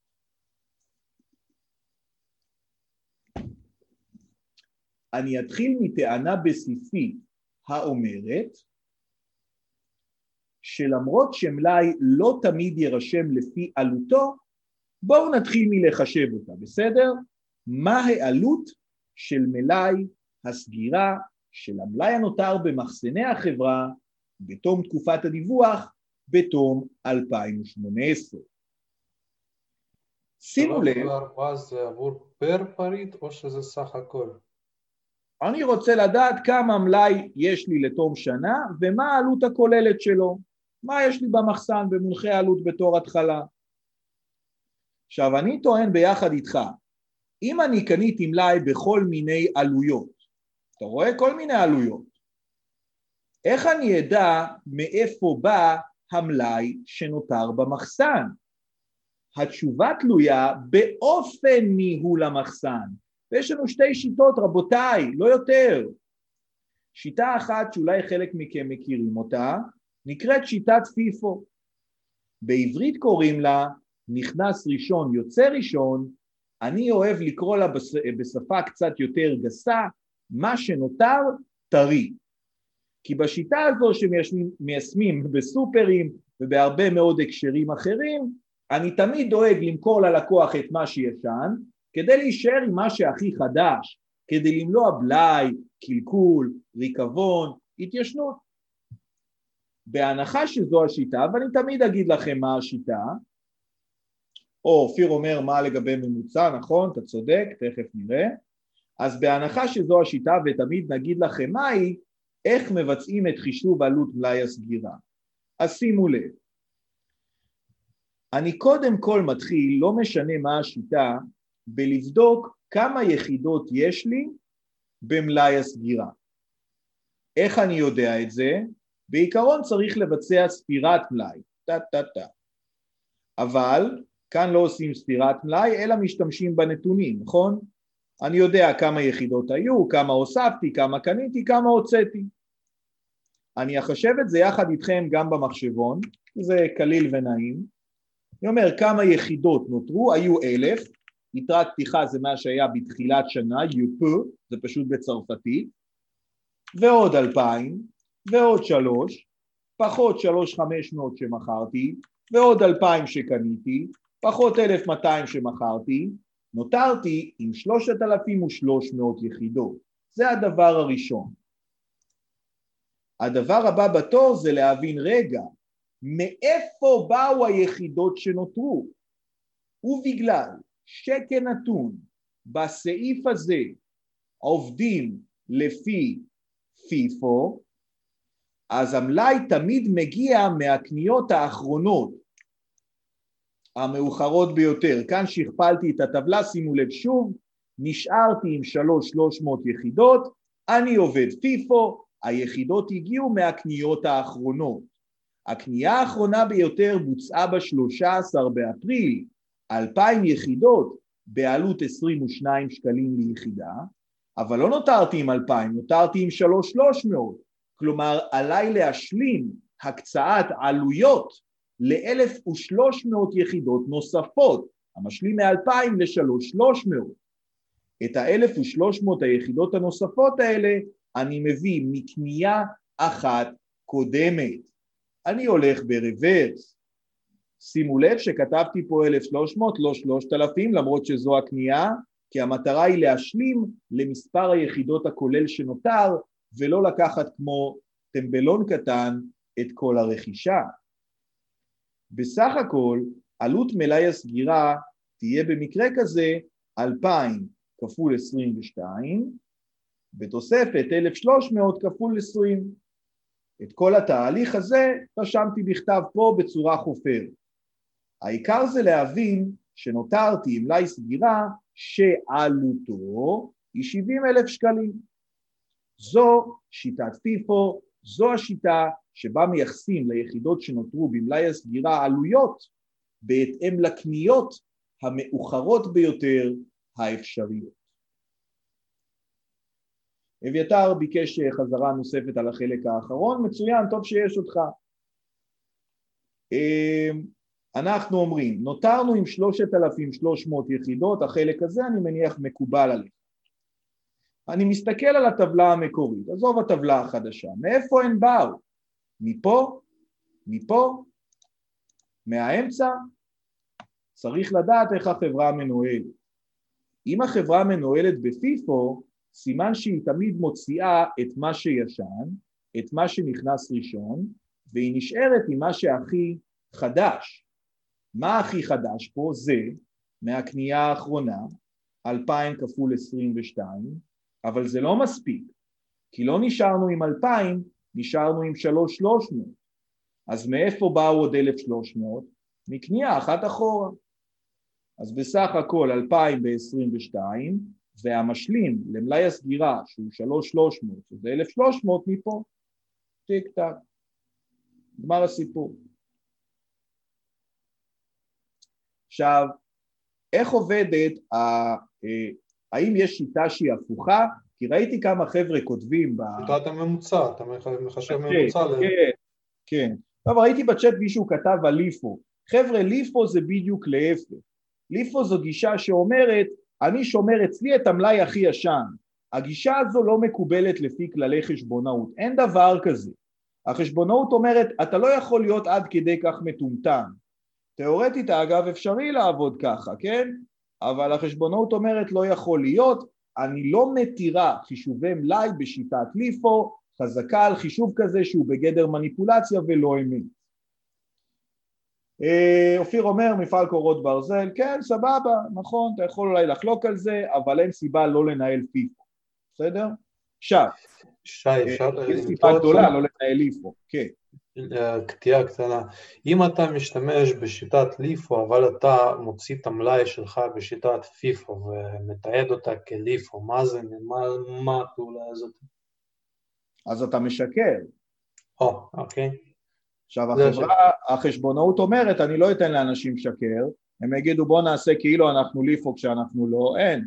או פיפו או, יש מקרים אחרים, אבל המקרה האחר שהוא גם הגיוני, כי ליפו. בעיקרון, ליפו בעיקרון זה אינפנטילי.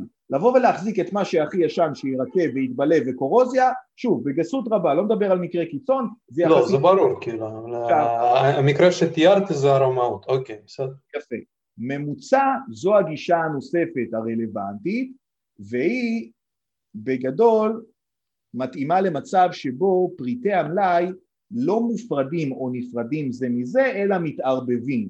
עכשיו, אני לא מומחה גדול בלוגיסטיקה, ואתם אולי תמצאו דוגמאות נוספות, אבל אני למשל חושב על מאגר דלק תת-קרקעי, שתחנת דלק מסוימת מזרימה אליו משלוחי דלקים שונים בעלויות שונות. עכשיו, זה מאגר אחד, לא רוצים להפריד כל פעם. אז בגלל, או אם זה דלק אחיד, עם מאפיינים גם כימיים דומים, הוא יתערבב היטב. אני לא אוכל באמת להפריד בין הדלק במשלוח א' שעלה X לבין הדלק שעלה במשלוח ב' שעלה Y, ואז יש לי באמת עלות ממוצעת לדלקים. אופיר אמר, הנה, תחנת דלק או מחסן תבואה, למרות ששם אולי זה יותר רגיש, אבל עדיין, או בטון או כל מיני פריטים כאלה, שכמו ערסים ומועדון, מתערבבים היטב. עכשיו, מה עושים במצב כזה? לילך אומרת. אז קודם כל נחשב את הממוצע. רגע. רנן אומרת, הגדרתי שיטה לחישוב עלות מלאי, האם אני רץ או שניתן לשנות? אם את רוצה לשנות אז זה צריך להיות מגובה בשינוי בהתנהלות הלוגיסטית בפועל. לא יכולה לרמות.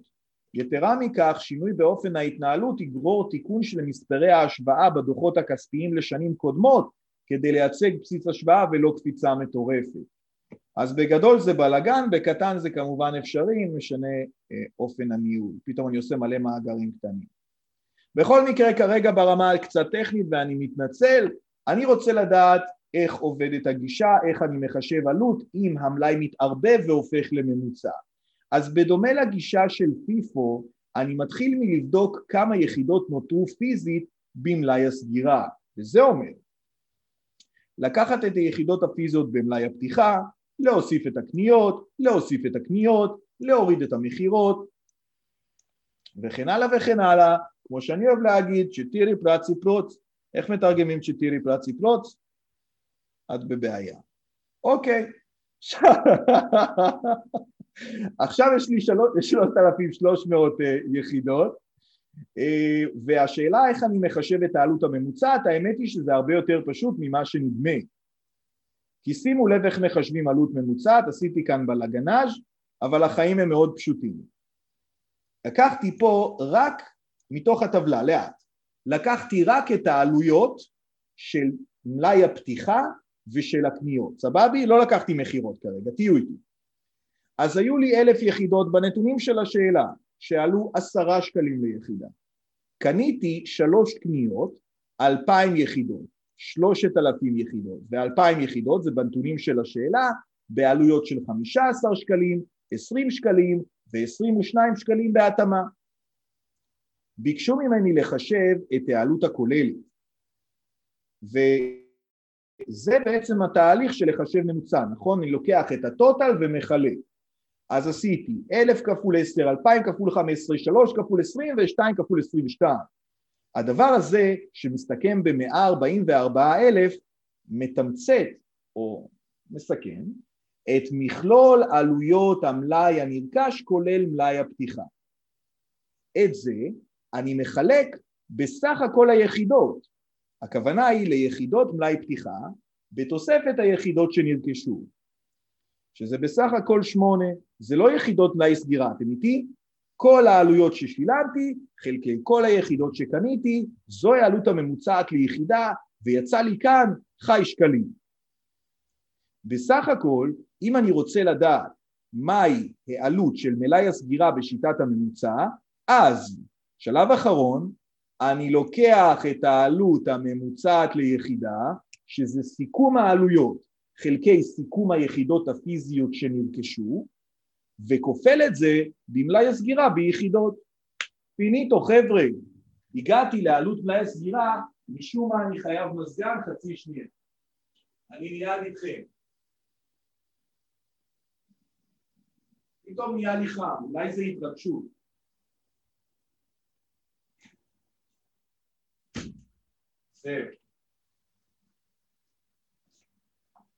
נתתי לכם גם טיפה זמן לשאול שאלות, אבל בינתיים אין.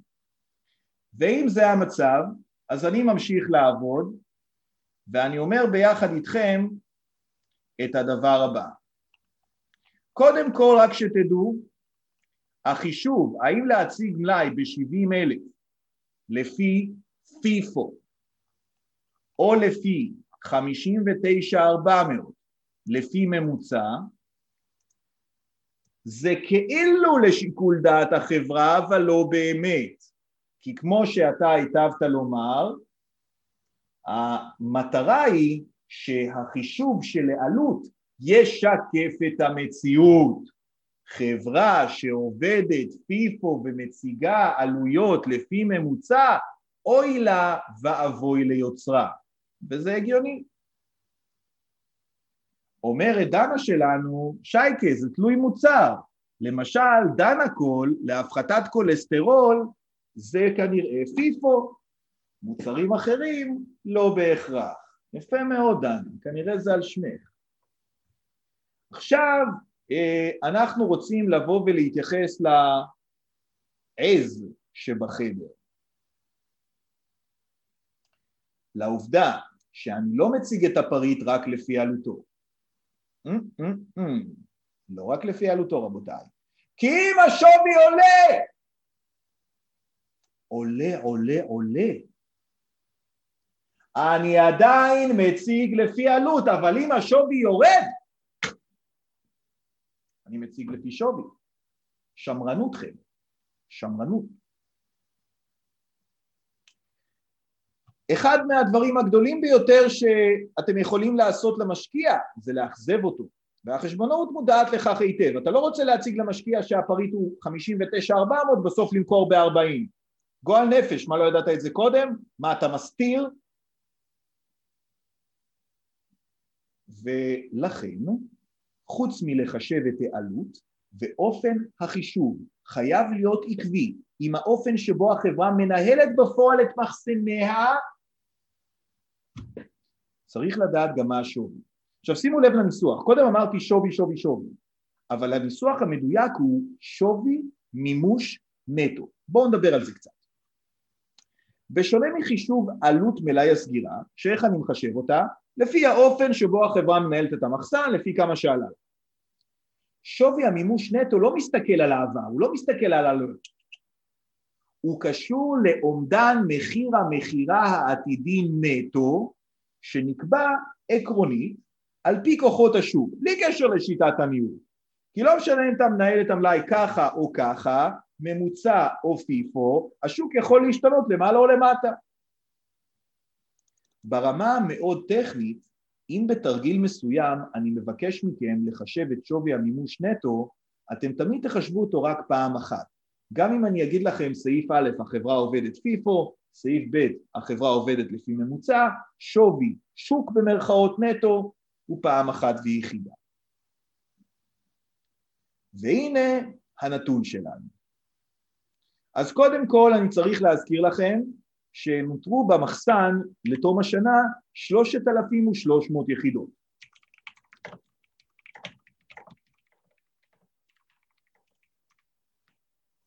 ואז יש נתון בשאלה, ציטטתי אותו, שיהיה קצת נוח, שאומר ככה: נכון לתום 2018, החברה צופה שכל פריט מלאי שנשאר אצלה, היא תוכל למכור אותו בתמורה ל-45 שקלים. אבל אם היא באמת רוצה למכור אותו בתמורה ל-45 שקלים, היא צריכה לשלם על האריזה שלו, היא צריכה לשלם על הסוכן שמוכר אותו. עכשיו השאלה איך מאבדים את הנתונים האלה לרמה של שווי מימוש נטו, ובינתיים שואלים אותי בצ'אט, שייקה, שווי של מוצר יכול להשתנות, לא? לגמרי כן. אני רוצה לתאר את הנסיבות הסוררות במועד הדיווח. אם נכון ל-31 בדצמבר 2018 ההנחה או הצפי הסביר ביותר הוא למכירה ב-45 שקלים, זה מה שאני אתייחס אליו. אם במקרה לא אמכור את זה עד שנה הבאה והשווי ישתנה, אפשר לשנות את השווי. כל עוד לא נציג בסכום העולה על העלות. אריקו שואל, שייקה, האם מלאי הסגירה תמיד יימכר בפעם אחת? לא. ואין בעיה שתבוא ותגיד, אני צופה למכור חלק מהמלאי בסכום כזה וחלק בסכום אחר, אבל זה כבר בעייתי. כי אתה פשוט מסתכל על מחיר השוק כרגע, אתה לא רוצה לפנטז יותר מדי על העתיד. זה בגדול הכיוון שלך. עכשיו, איך שווי המימוש נטו מוגדר? אז לאט, אני רוצה לדעת כמה זה שווה. הבנצ'מארק הראשוני, הבסיס למדידת כמה זה שווה, זה בכמה אני צופה למכור את המלאי בעתיד, ואני אתן לכם את זה בשאלות, זה יהיה מאוד obvious, כמובן שהמציאות מורכבת יותר, אבל מחיר המכירה כאן הוא 45 שקלים, שימו לב, אני לא מדבר על בכר מכרתי בעבר, אלא מה התמורה הצפויה, ההטבה הכלכלית הצפויה ממכירה בעתיד, וזה נתון פה, 45 שקלים ליחידה. אבל אני לא מסתפק בזה, זה לא 45 כפול 3,300 יחידות. אני רוצה להוריד מזה את כל העלויות הישירות הנוספות שצפויות להיווצר עד שהפריט יימכר. אז אם אני צריך לארוז אותו, לנקות אותו, להשביח אותו כמו שעושים למכוניות משומשות, לשלם לסוכן שיטפל במכירה, כל העלויות הנוספות הללו אנחנו נפחית אותן מתמורת המכירה ברוטו כדי להגיע לתמורה נטו, להטבה נטו הצפויה, מה שנקרא שווי מימוש נטו.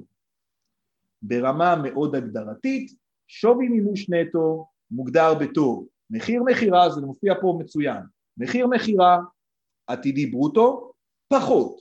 עלויות השלמה, פיזי שצריך להשקיע כדי למכור, פחות.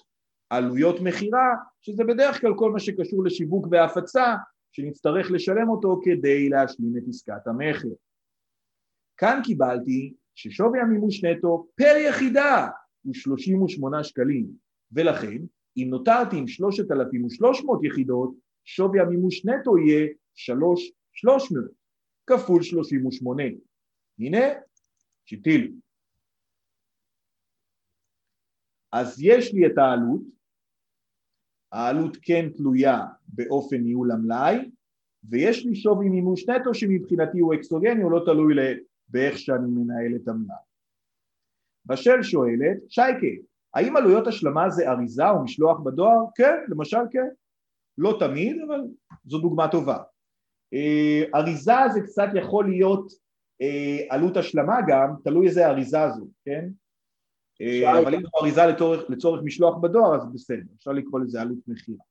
השווי מימוש נטו אז הוא בעצם משתנה בין חברה לחברה, כל אחד יש לו עלויות שונות ולכן גם השווי ישתנה, נכון? כן, אם יש לי יתרונות לגודל ואני השגתי הסכם פצצה עם סוכני מכירות שבקושי לוקחים לי עמלה, ויש לי גם יתרונות לגודל שמאפשרים לי להשלים את המוצר או לארוז אותו מאוד בזול, לגמרי. הנקודת ההשקפה פה היא נקודה מאוד ספציפית מנקודת ראות החברה עצמה, ובהתאם להטבות נטו שהיא צופה להניב מהמלאי לפי מצב הדברים כרגע. יעל שואלת מה עם עלות אחסנה? עלות אחסנה היא הוצאה שוטפת אה, של מלאי. אני לא הולך אה, להכניס אותה בתוך התמורה נטו כי תהיה לי פשוט הוצאה כזו בהנהלה וכלליות, כל המחסנים, כל הדברים. אה, אם מדובר בעלות אחסנה מאוד ספציפית, כמו נניח, לא יודע, כדי למכור את היין אתה חייב לאחסן אותו בתנאים מאוד מיוחדים, אז אפשר במקרים כאלו לקרוא לזה עלות השלמה ברמה מסוימת. אז תלוי הקשר, אבל אצלנו זה יהיה מאוד obvious, כי באמת ברמה תפעולית אפשר להיכנס לפינות. אצלנו זה יהיה straight forward כדי להבין את העיקרון הכלכלי. אוקיי, אז יש לנו את העלות, יש לנו את שווי המימוש נטו, ועכשיו צריך לדעת כמה הפריט הזה, או באיזה סכום הוא יוצג. אז אנחנו אומרים, חברה חייבת לדווח על ערכו של מלאי הסגירה לתום תקופת הדיווח בדוחות הכספיים בהתאם לנמוך מבין שני הערכים, בין העלות שחייבת לשקף את אופן ניהול המחסן בפועל לבין שווי המימוש נטו המשקף בעיקרון את תמורת המכירה הנקייה הצפויה בהתאם לחברה. כך, אם שיטת הניהול היא פיפו, ואנו ראינו קודם בתחשיב שעשינו שבמצב כזה עלות מלאי הסגירה היא 70 אלף ושווי המימוש נטו הוא 125,400, הנמוך מבין שני הערכים במקרה זה תהיה העלות 70 אלף. אבל אם תאורטית עלות מלאי הסגירה הייתה 170 אלף, אזי הערך לדיווח היה שווי המימוש נטו כמובן. הנמוך מביניהם וזה הכל.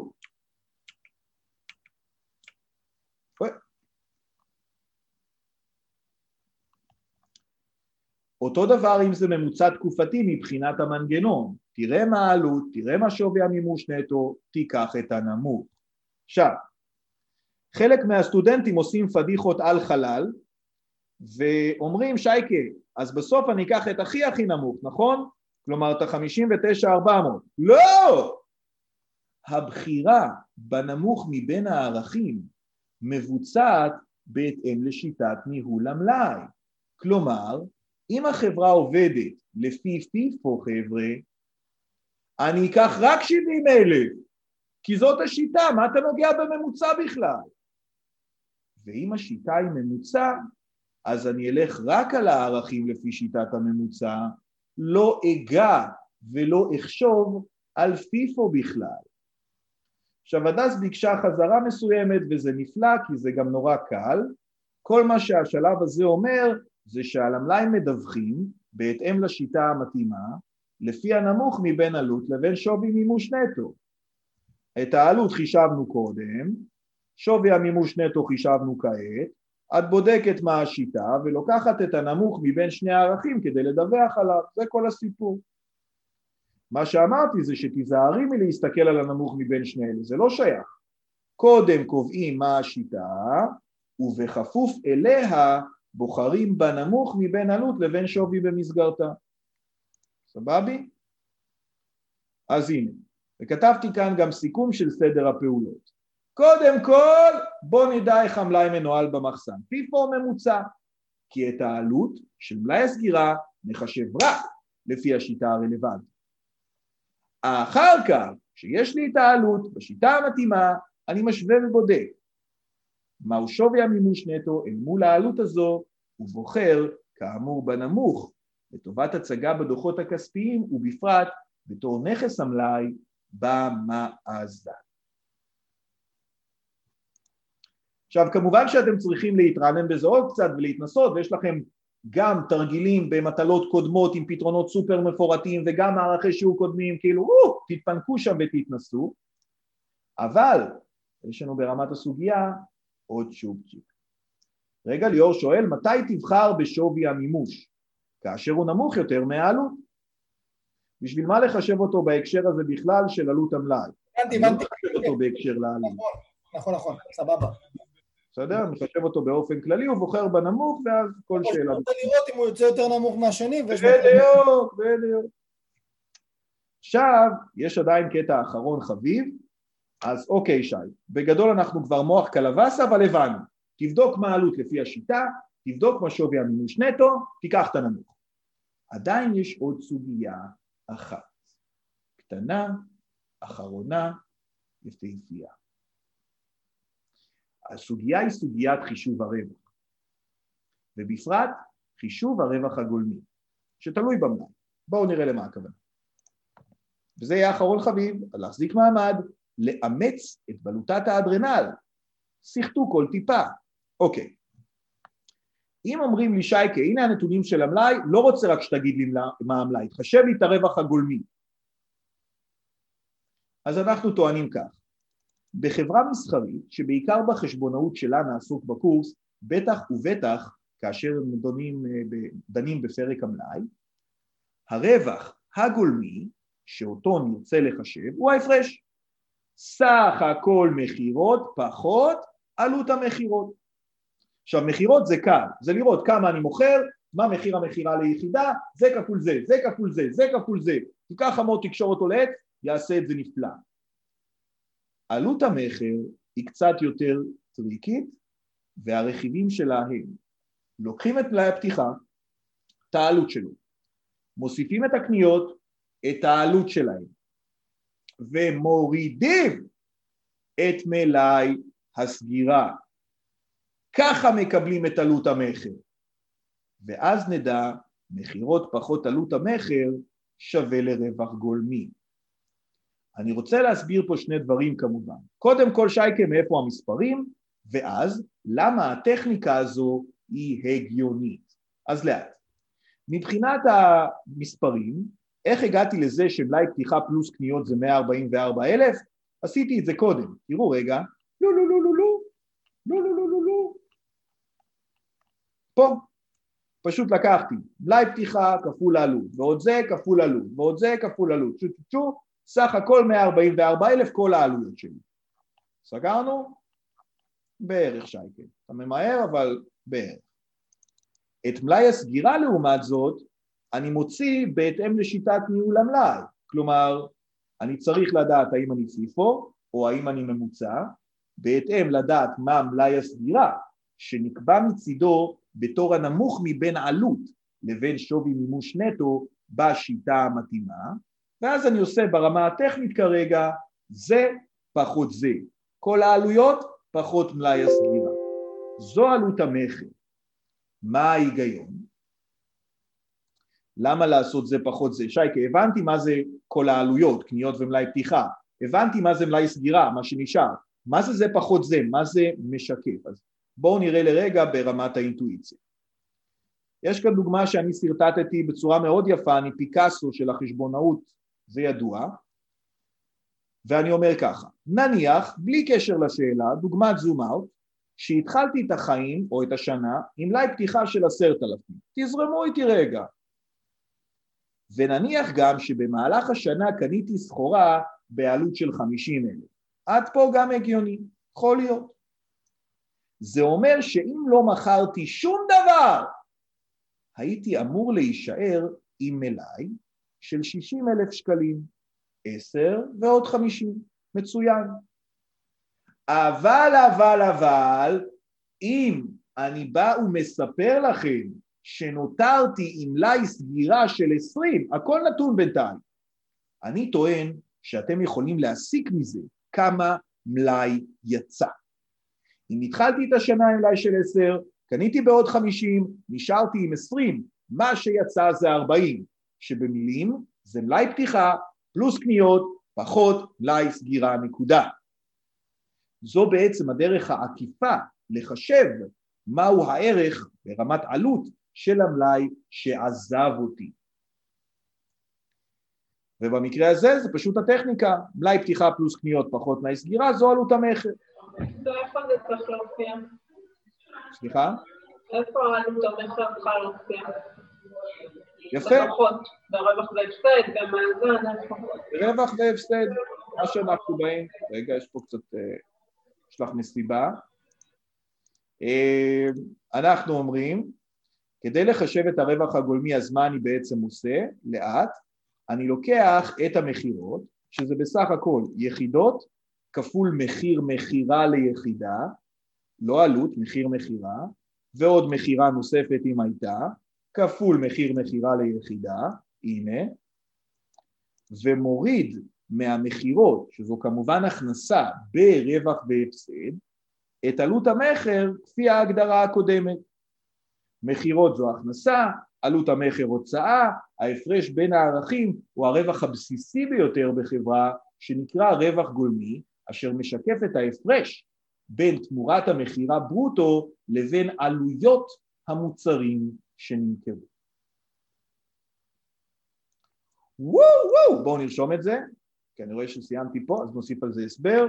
לאחר שמנקים מהמכירות ברוטו, מהמכירות יותר נכון, הכנסות ברווח והפסד, את עלות המכר, עלות המוצרים שנמכרו או נצרכו לטובת ביצוע מכירות אלו, מקבלים את הרווח הבסיסי הראשוני ביותר בחברה שנקרא רווח גולמי.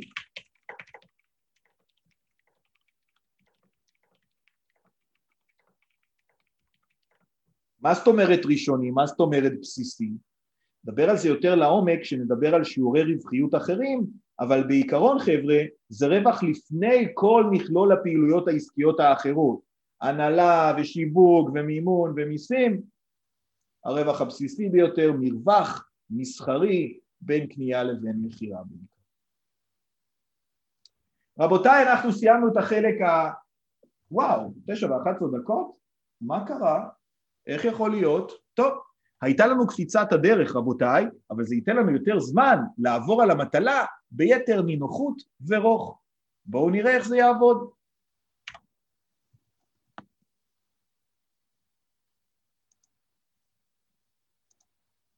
צ'יקה, חוברת הקורס, פאו, לא בוצעה כל פעולה. אני תמיד נעלב כשהוא כותב לי את זה. בואנה, לימדתי כמו איזה חזרזיר, מה לא בוצעה כל פעולה? הנה, ריזיום שר, חוברת הקורס. המטלה הזו, ואתם תהיו השופטים, כן, כי אני דעתי משוחדת, מטלה הזו, מטלה 12, אמורה להיות, אולי למעט שאלות התיאוריה שעבורם אני אכווין מעט יותר, שאלה שהיא מאוד, אה, מטרה שהיא הרבה יותר נעימה לעיכוב. בואו נראה בדיוק, אני עובר לרגע על ההדגשים התיאורטיים בסוף, אני אתחיל קודם מהשאלות הכמותיות, מהמסה. אה, רגע, ליאור אומר, שייקה דידידי לא, רשל אומרת, מפגש הבא להתחיל מהקשה לקל, מפגש הבא, כן, הוא יהיה ככה. רנן שואלת, בקורס לא מתייחסים למיסים. לא, בשוליים ממש.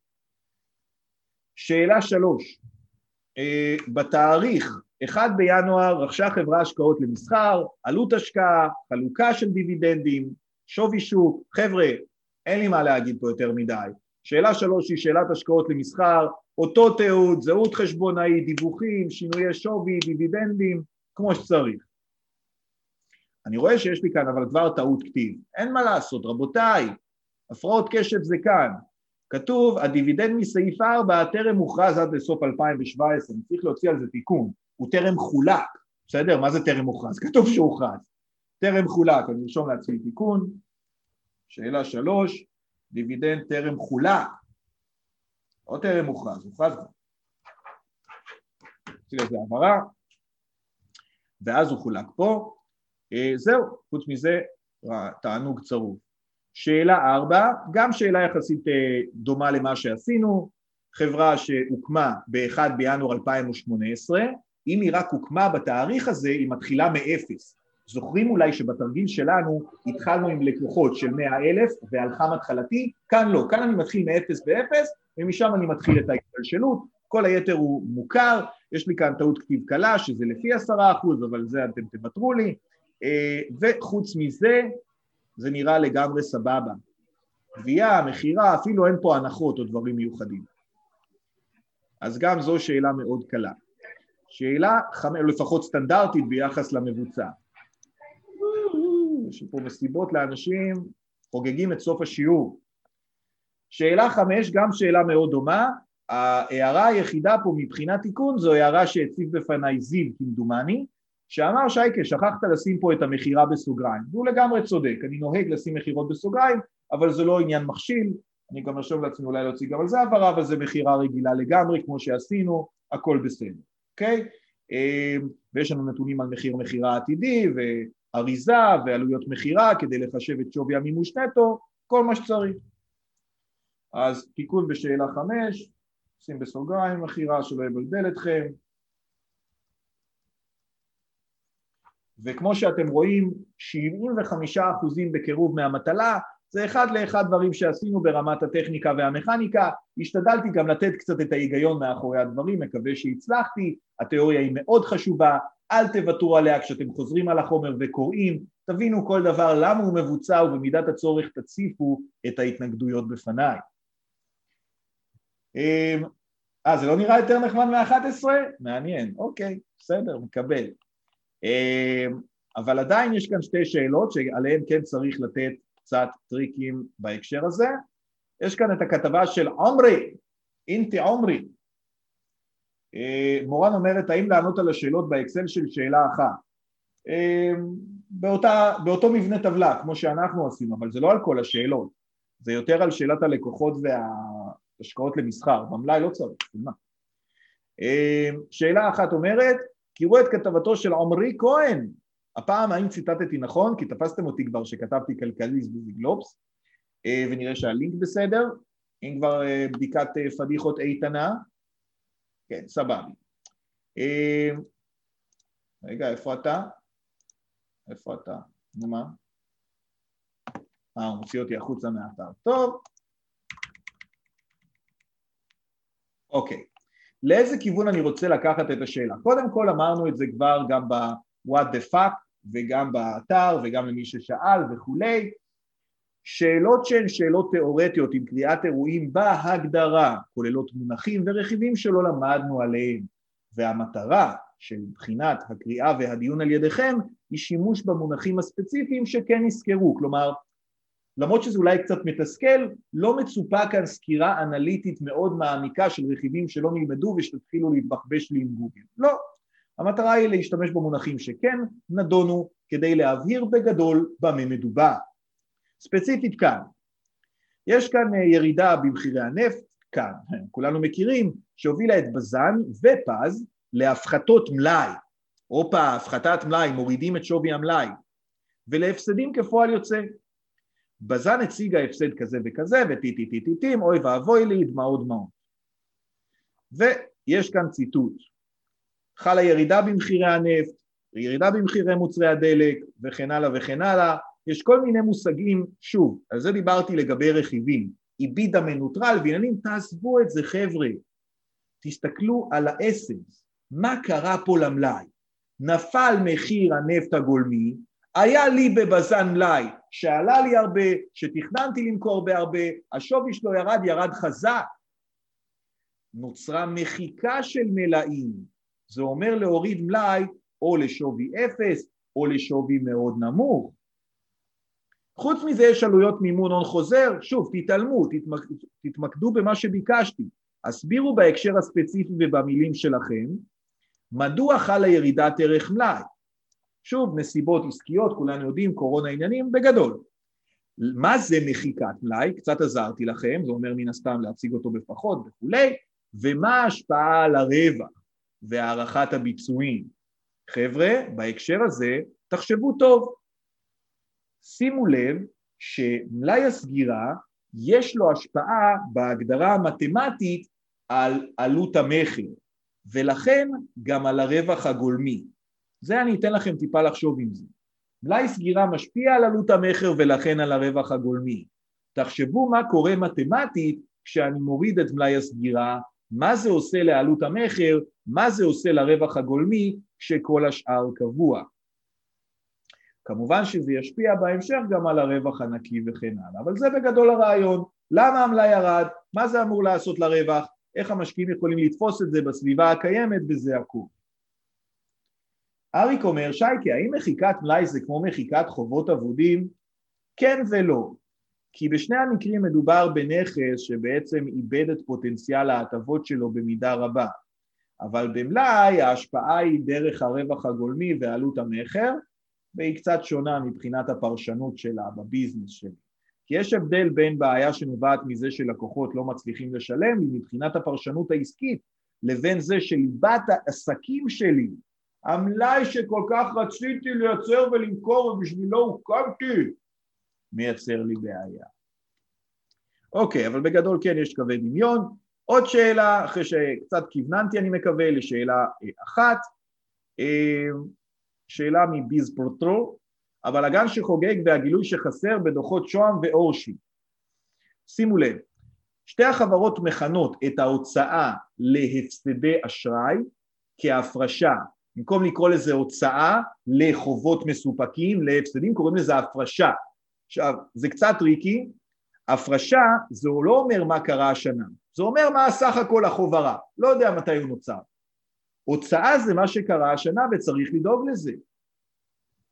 בנוסף הדירקטוריון מספר על הפרשה ספציפית בשעה שבשום מקום לא ניתן גילוי להיקף ההפרשה. הפרשה ספציפית חבר'ה בגסות רבה זה אומר שיש כנראה איזה לקוח ספציפי או קבוצה ספציפית שהיא מאוד בעייתית ובמקום לספר עליה ולעורר את המודעות בקרב הקוראים איך בדיוק קרה הבלגן הספציפי הגדול הזה אצל מישהו עיקרי, חסר מידע. אמ, ואז לא נקרא את כל זה, זה קצת משעמם. אה, אביתר שואל אם הערך ירד, אז למה המלאי נמחק? כי אתה בעצם מוריד אותו מהמאזן שלך, אתה מוחק אותו, זה כמו שיש לך דף גדול עם הרבה מאוד כיתוב, אתה מוחק, יש לי פחות. מחיקה זה כמו גריעה, ברמה מסוימת, אה, מבחינת ערך כספי. ונדרש על פי הכתבה, תסבירו. שוב תקראו, נתתי לכם טיפה רמזים בקריאה המודרכת, לא לגמרי, מה הבעיה פה? איפה ההסתרה? איפה הטרמינולוגיה השגויה? ולמה קוראי הדוחות עלולים לזעום או לטעות בהסקת המסקנות. אביתר אומר שייקה, האם העובדה שמלאי נמחק אומר שהוא חייב להתאפס לגמרי? לא, בהחלט יכולה להיות מחיקה חלקית כתלות בנסיבות. זהו, אז אה, אנחנו סיימנו את המפגשון הזה שמונה דקות לפני הזמן. אפשר לשחק אמת או חובה, ואפשר לתת לכם לישון. אני מעריך שאתם מעדיפים לישון, ולכן אנחנו נסגור כאן. תודה רבה לחבר'ה שבאו ללייב, תודה רבה למי שצופה בהקלטה ולא נרדם, תודה רבה ללילך, ושיהיה לכם המשך ערב נעים. תודה רבה, שי. תודה. תודה, שי.